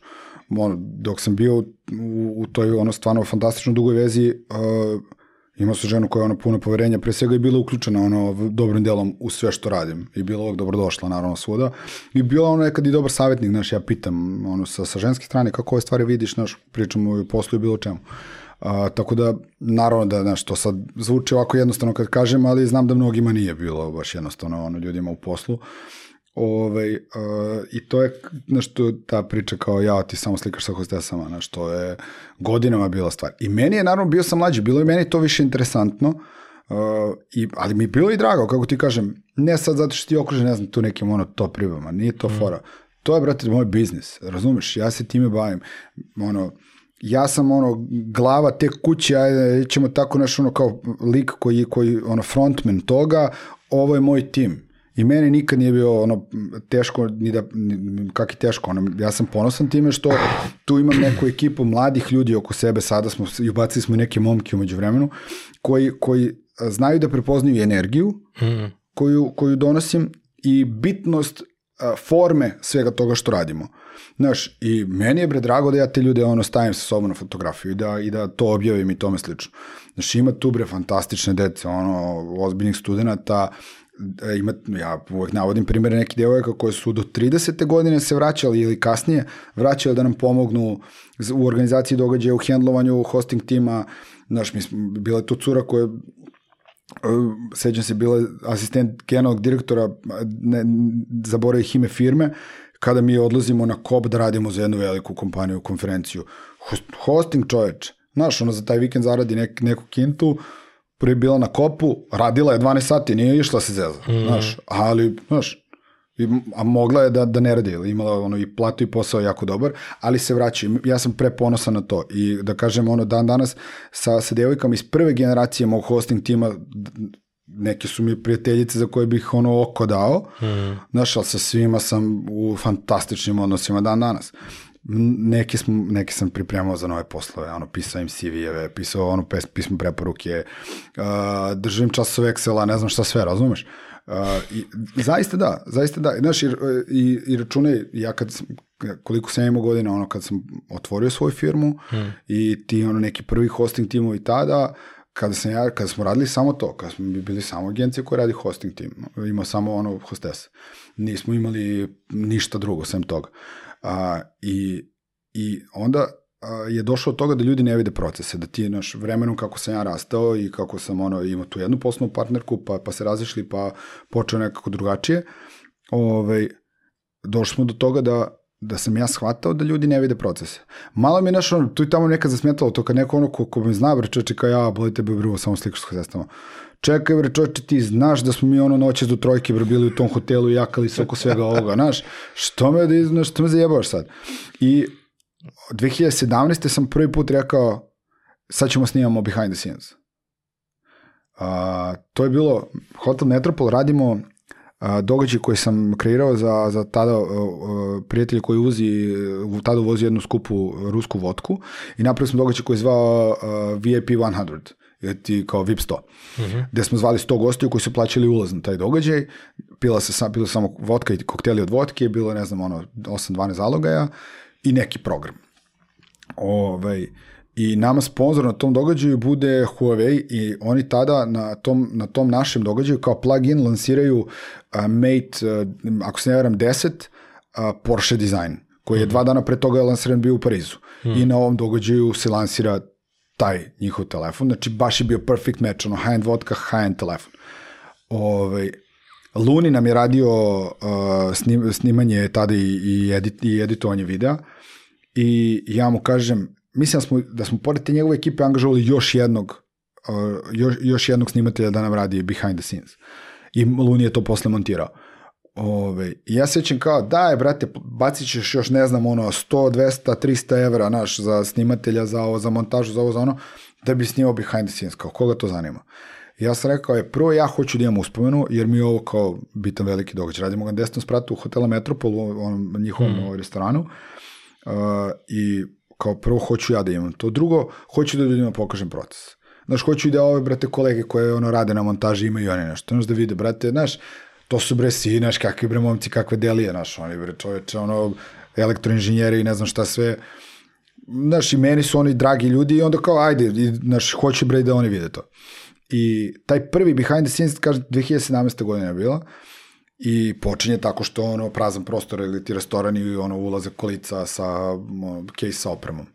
Uh, I taj prvi, ono, prve te reakcije su meni u stvari bile super. Kao, ja, vidiš što je ovo zanimljivo.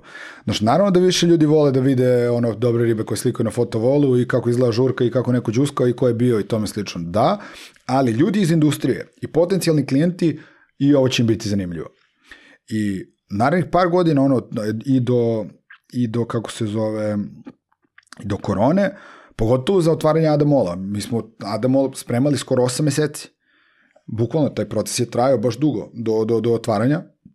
Meni je bilo mega bitno da imam te, ono, mi bi čovječe počinjemo radimo na Adamolu, kad on nema završen, nezavršen, ni započet četvrti sprat i nema graže. Hmm a mi treba da damo rendere, na, uradimo rendere gde će bude bina, gde će, gde će šta da bude od, od svetla, aktivacije i tome slično. Mi na, na, na, na trećem spratu ove uh, balkonu, a dole se minira i uh, minira se prostor gde je garaža danas.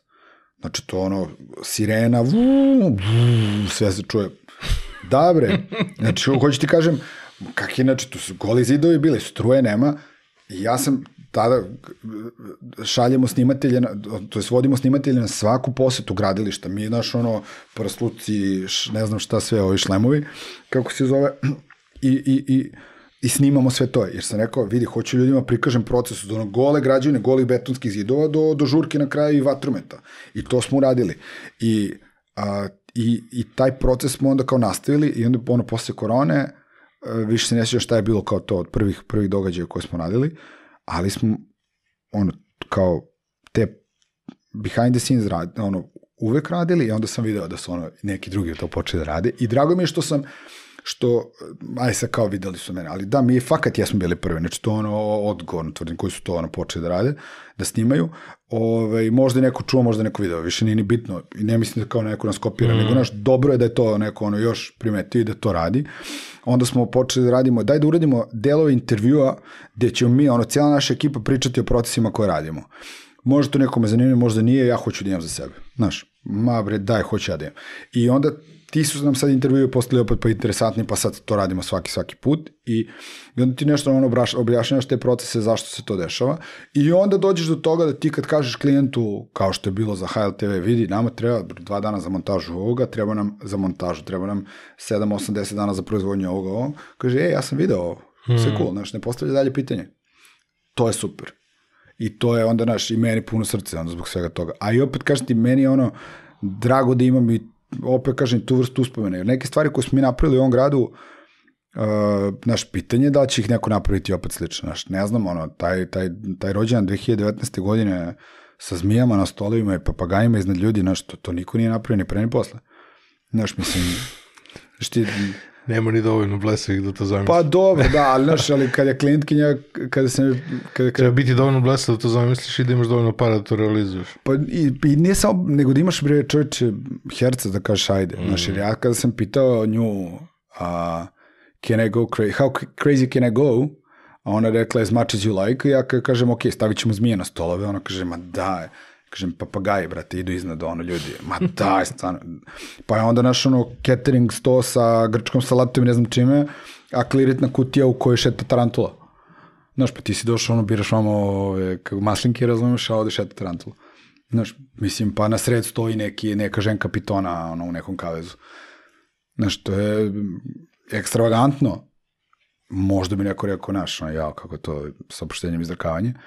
Ali, Znaš, to niko nije ni pre ni posle uradio. Možda će biti, mislim, vidi, meni je ekstravagantno bilo prvi put kada su me angažovali za privatni događaj na Dedinju, da iz Holandije za tu neku novu godinu dođu ljudi eh, sa, sa onim eh, šator sa UV svetlima, mm -hmm. UV grejačima koji se montirao iznad, uh, iznad tog spoljnog bazena, da zatvore spoljni bazen, pa su oni došli 7-8 dana ranije, pa to postavili, pa uh, postepeno zagrejavali beton i vodu, da ne pukne beton od naglog, nisam ja pojma čovjek. Pa meni to tad bilo ekstravagantno za private party, da napraviš tunel koji vezuješ na ulaz, uh, odnosno taj zadnji ono, izlaz u dvorište, pa da ljudi imaju za novu godinu da se kupaju u svom spoljnom bazenu koji je odjednom natkriven to mi je bila ekstravagancija, pa smo onda, znaš, došli do ovoga da imamo, pa ekstravagancija to kao Lady Gaga spenkuje da. ove striptizetu u striptiz klubu, mislim, znaš, jeste ekstravagancija, nikoga, brate, nije uradio. Pa onda zmije na stolu, razumeš da ti krkaš stvarno ozbiljan fine dining i vamo juriš ono salaticu, šeta, znaš, tarantu. I to je, znaš, opet Znači imamo događaje gde ljudi vide tebe sa, sa hostesom. Imamo onda behind the scenes videa gde se nešto vidi. Onda imamo podcast gde ti možeš konačno da, da ispričaš da, nešto od toga, jebote, konačno. Da. Jer sam znao da ima gomila toga. Da. Šta je neki osjećaj koji ništa toga ne može da prikaže?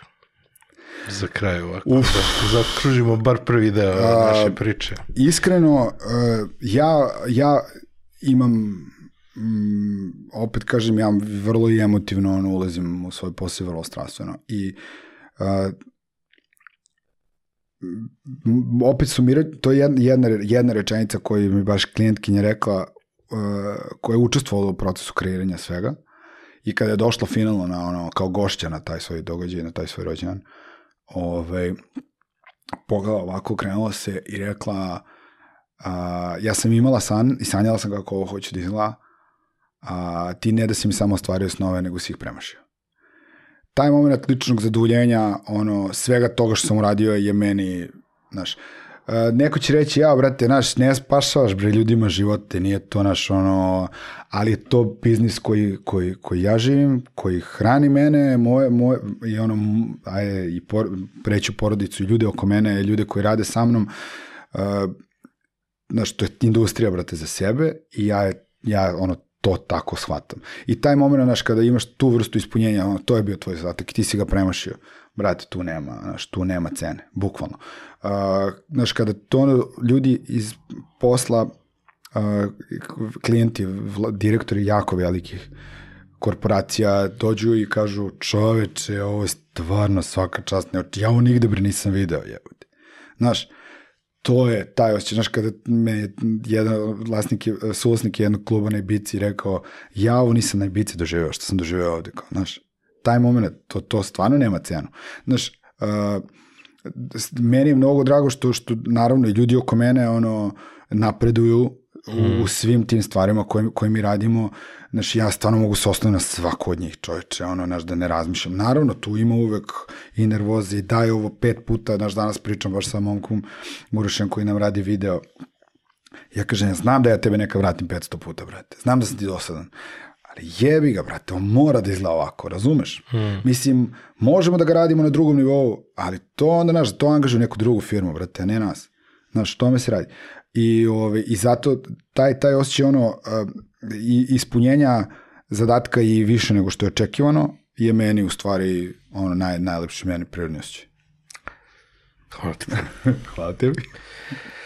Mislim da smo jako dobro zaokružili priču. E, hteo sam još malo da, da, da pričam na temu šta je ono što ne valja, ali mi je nekako toliko ovde se postavljeni nekako standardi šta valja, tako da, Da, da. ono, ko, ko je, ovaj, Mislim, možemo, možemo neko pričati Ovaj, o tome, jer da, ima, ima tu, ima, mislim, ima tu Znam, priče, ali ono, mislim da mislim da ljudi koji su lideri u svojim kategorijama treba da promovišu kategoriju, ne treba da se brinu o ljudima koji su iza njih, nego treba prosto da postavljaju standarde i izvolite sve je otvoreno, stignite. Da, da, donekle, donekle da- si, mislim, ne, ne donekle, apsolutno jesi u pravu. Međutim, ono što, što mislim da je neophodno, to je nekada ukazati na stvari koje, koje, koje su urađene nazadno, čak i kada to ne treba da bude. Uh, znaš, ja pominjao sam ti to ono da imaš varijantu gde kompanije određene moraju da menjaju dobavljače na određeno, ono, određenom ciklusu, bez obzira na kvalitet i cenu. Znači, Čisto moraju. da bi osvežili. Tako je, da, to je zahtev ono head, headova iz evropske ono, ovaj, centrale. To je u redu, ali onda se desi da naš, to prvo, prvog sledećeg koga angažuju, to izgleda lošije nego što, nego što smo mi radili. I, uh, I meni onda bude krivo, čekaj bre, kako nisi primetio da ti izvučnici stoje na podu, kako nisi video da ovi kablovi vr, ono, vršljaju, brate, svuda, znaš, to nije ništa sređeno. Znaš, kako možeš da imaš, ne znam, ovako razvaljen fotovol posle onoga što smo ti mi pokazali kako treba. I to je Treba, stvar... da, treba da uvedete novu uslugu. Koje je šta, da idemo, o, o, da idemo po događajima i da vičemo ovo ne valja, ovo ne valja. Da, da, da, da imate ono kao consulting superviziju. Pa ne, ne, ne, ne zazam se. Znači, može klijent da, da traži drugu agenciju koja će mu raditi događaj, a vi nudite prosto da imate svog supervizora. Što bi ja učio tuđu, tu, tuđu agenciju kako da radi posao. Radiš za klijenta. E, Klijent izgleda pametnije. naravno da, ali, ovaj, ali... Klijent najviše voli da izgleda pametnije. Da, da, naravno, slažem se, ali, ali to je onda ono, agencijski dan, a onda cijela moja ono, ekipa ne radi ništa. Znaš, zašto bi ja učio tuđi hosting tim kako da stoje? Zašto bi ja drugoj agenciji rekao, brate, daj bre, investirajte u te halje, nemoj odnose ove devojke svaka koju šta ima. Daj, molim te, nemoj više kupujete te kineske, bre, ono rastezanje, fotovolove, stvarno, bre, sramota, čoveč. Neka, svako, mislim, svaka roba ima svog kupca, znaš, ali, ali ovaj, to je naš kao, e, jel možeš ti, ne znam, kao mi da pošaljemo naše eh, hostese, naš ono, moja komšinica i drugarica, a da ti kao superviziraš događaj. Ne. Nemam razloga da to radim. Prvo, ne mogu se osloniti na, ta- na, na ljude koje ne znam. Drugo, brate, ne, ne, mislim, to onda mnogo košta, znaš, mm. koliko ti naplaćaš nekom da ga učiš procesima, znaš. Puno. Pa, o tome se radi. A da mu ti Naplatiš, uradiš, znaš, napla- lupetom, znaš. Tako je, da ti da mu napraviš ono, pripremu za štampu lupetom za vizit kartu košta 100 nečega, jel? Ali da ga naučiš kako treba, to košta mnogo više, jel tako? To je to. Hvala još jednom. Hvala i tebi. Vama hvala što ste gledali još jednu epizodu još podcast 1, ovo je bio moj razgovor sa mojim prijateljem Ivanom Agbobom, hvala što ste ovde, ostavite nam neki share, like, subscribe, da. sigurno imate i nekog prijatelja kome bi ovo bilo interesantno ili prijateljicu. Uh, hvala našim sponsorima, Beans Coffee s koju sam razgovarao sa Ivanom, hvala Skandinavian Design Centru, njihovim stolicama smo sedeli i hvala mojim drugovima iz Grooming Mastersa, oni su mi poslali opremu za brijanje da sijam ovde u svakoj epizodi. Uh, hvala i pozdrav i vidimo se i slušamo sledećeg četvrtka. Ćao, čao. Bye, bye.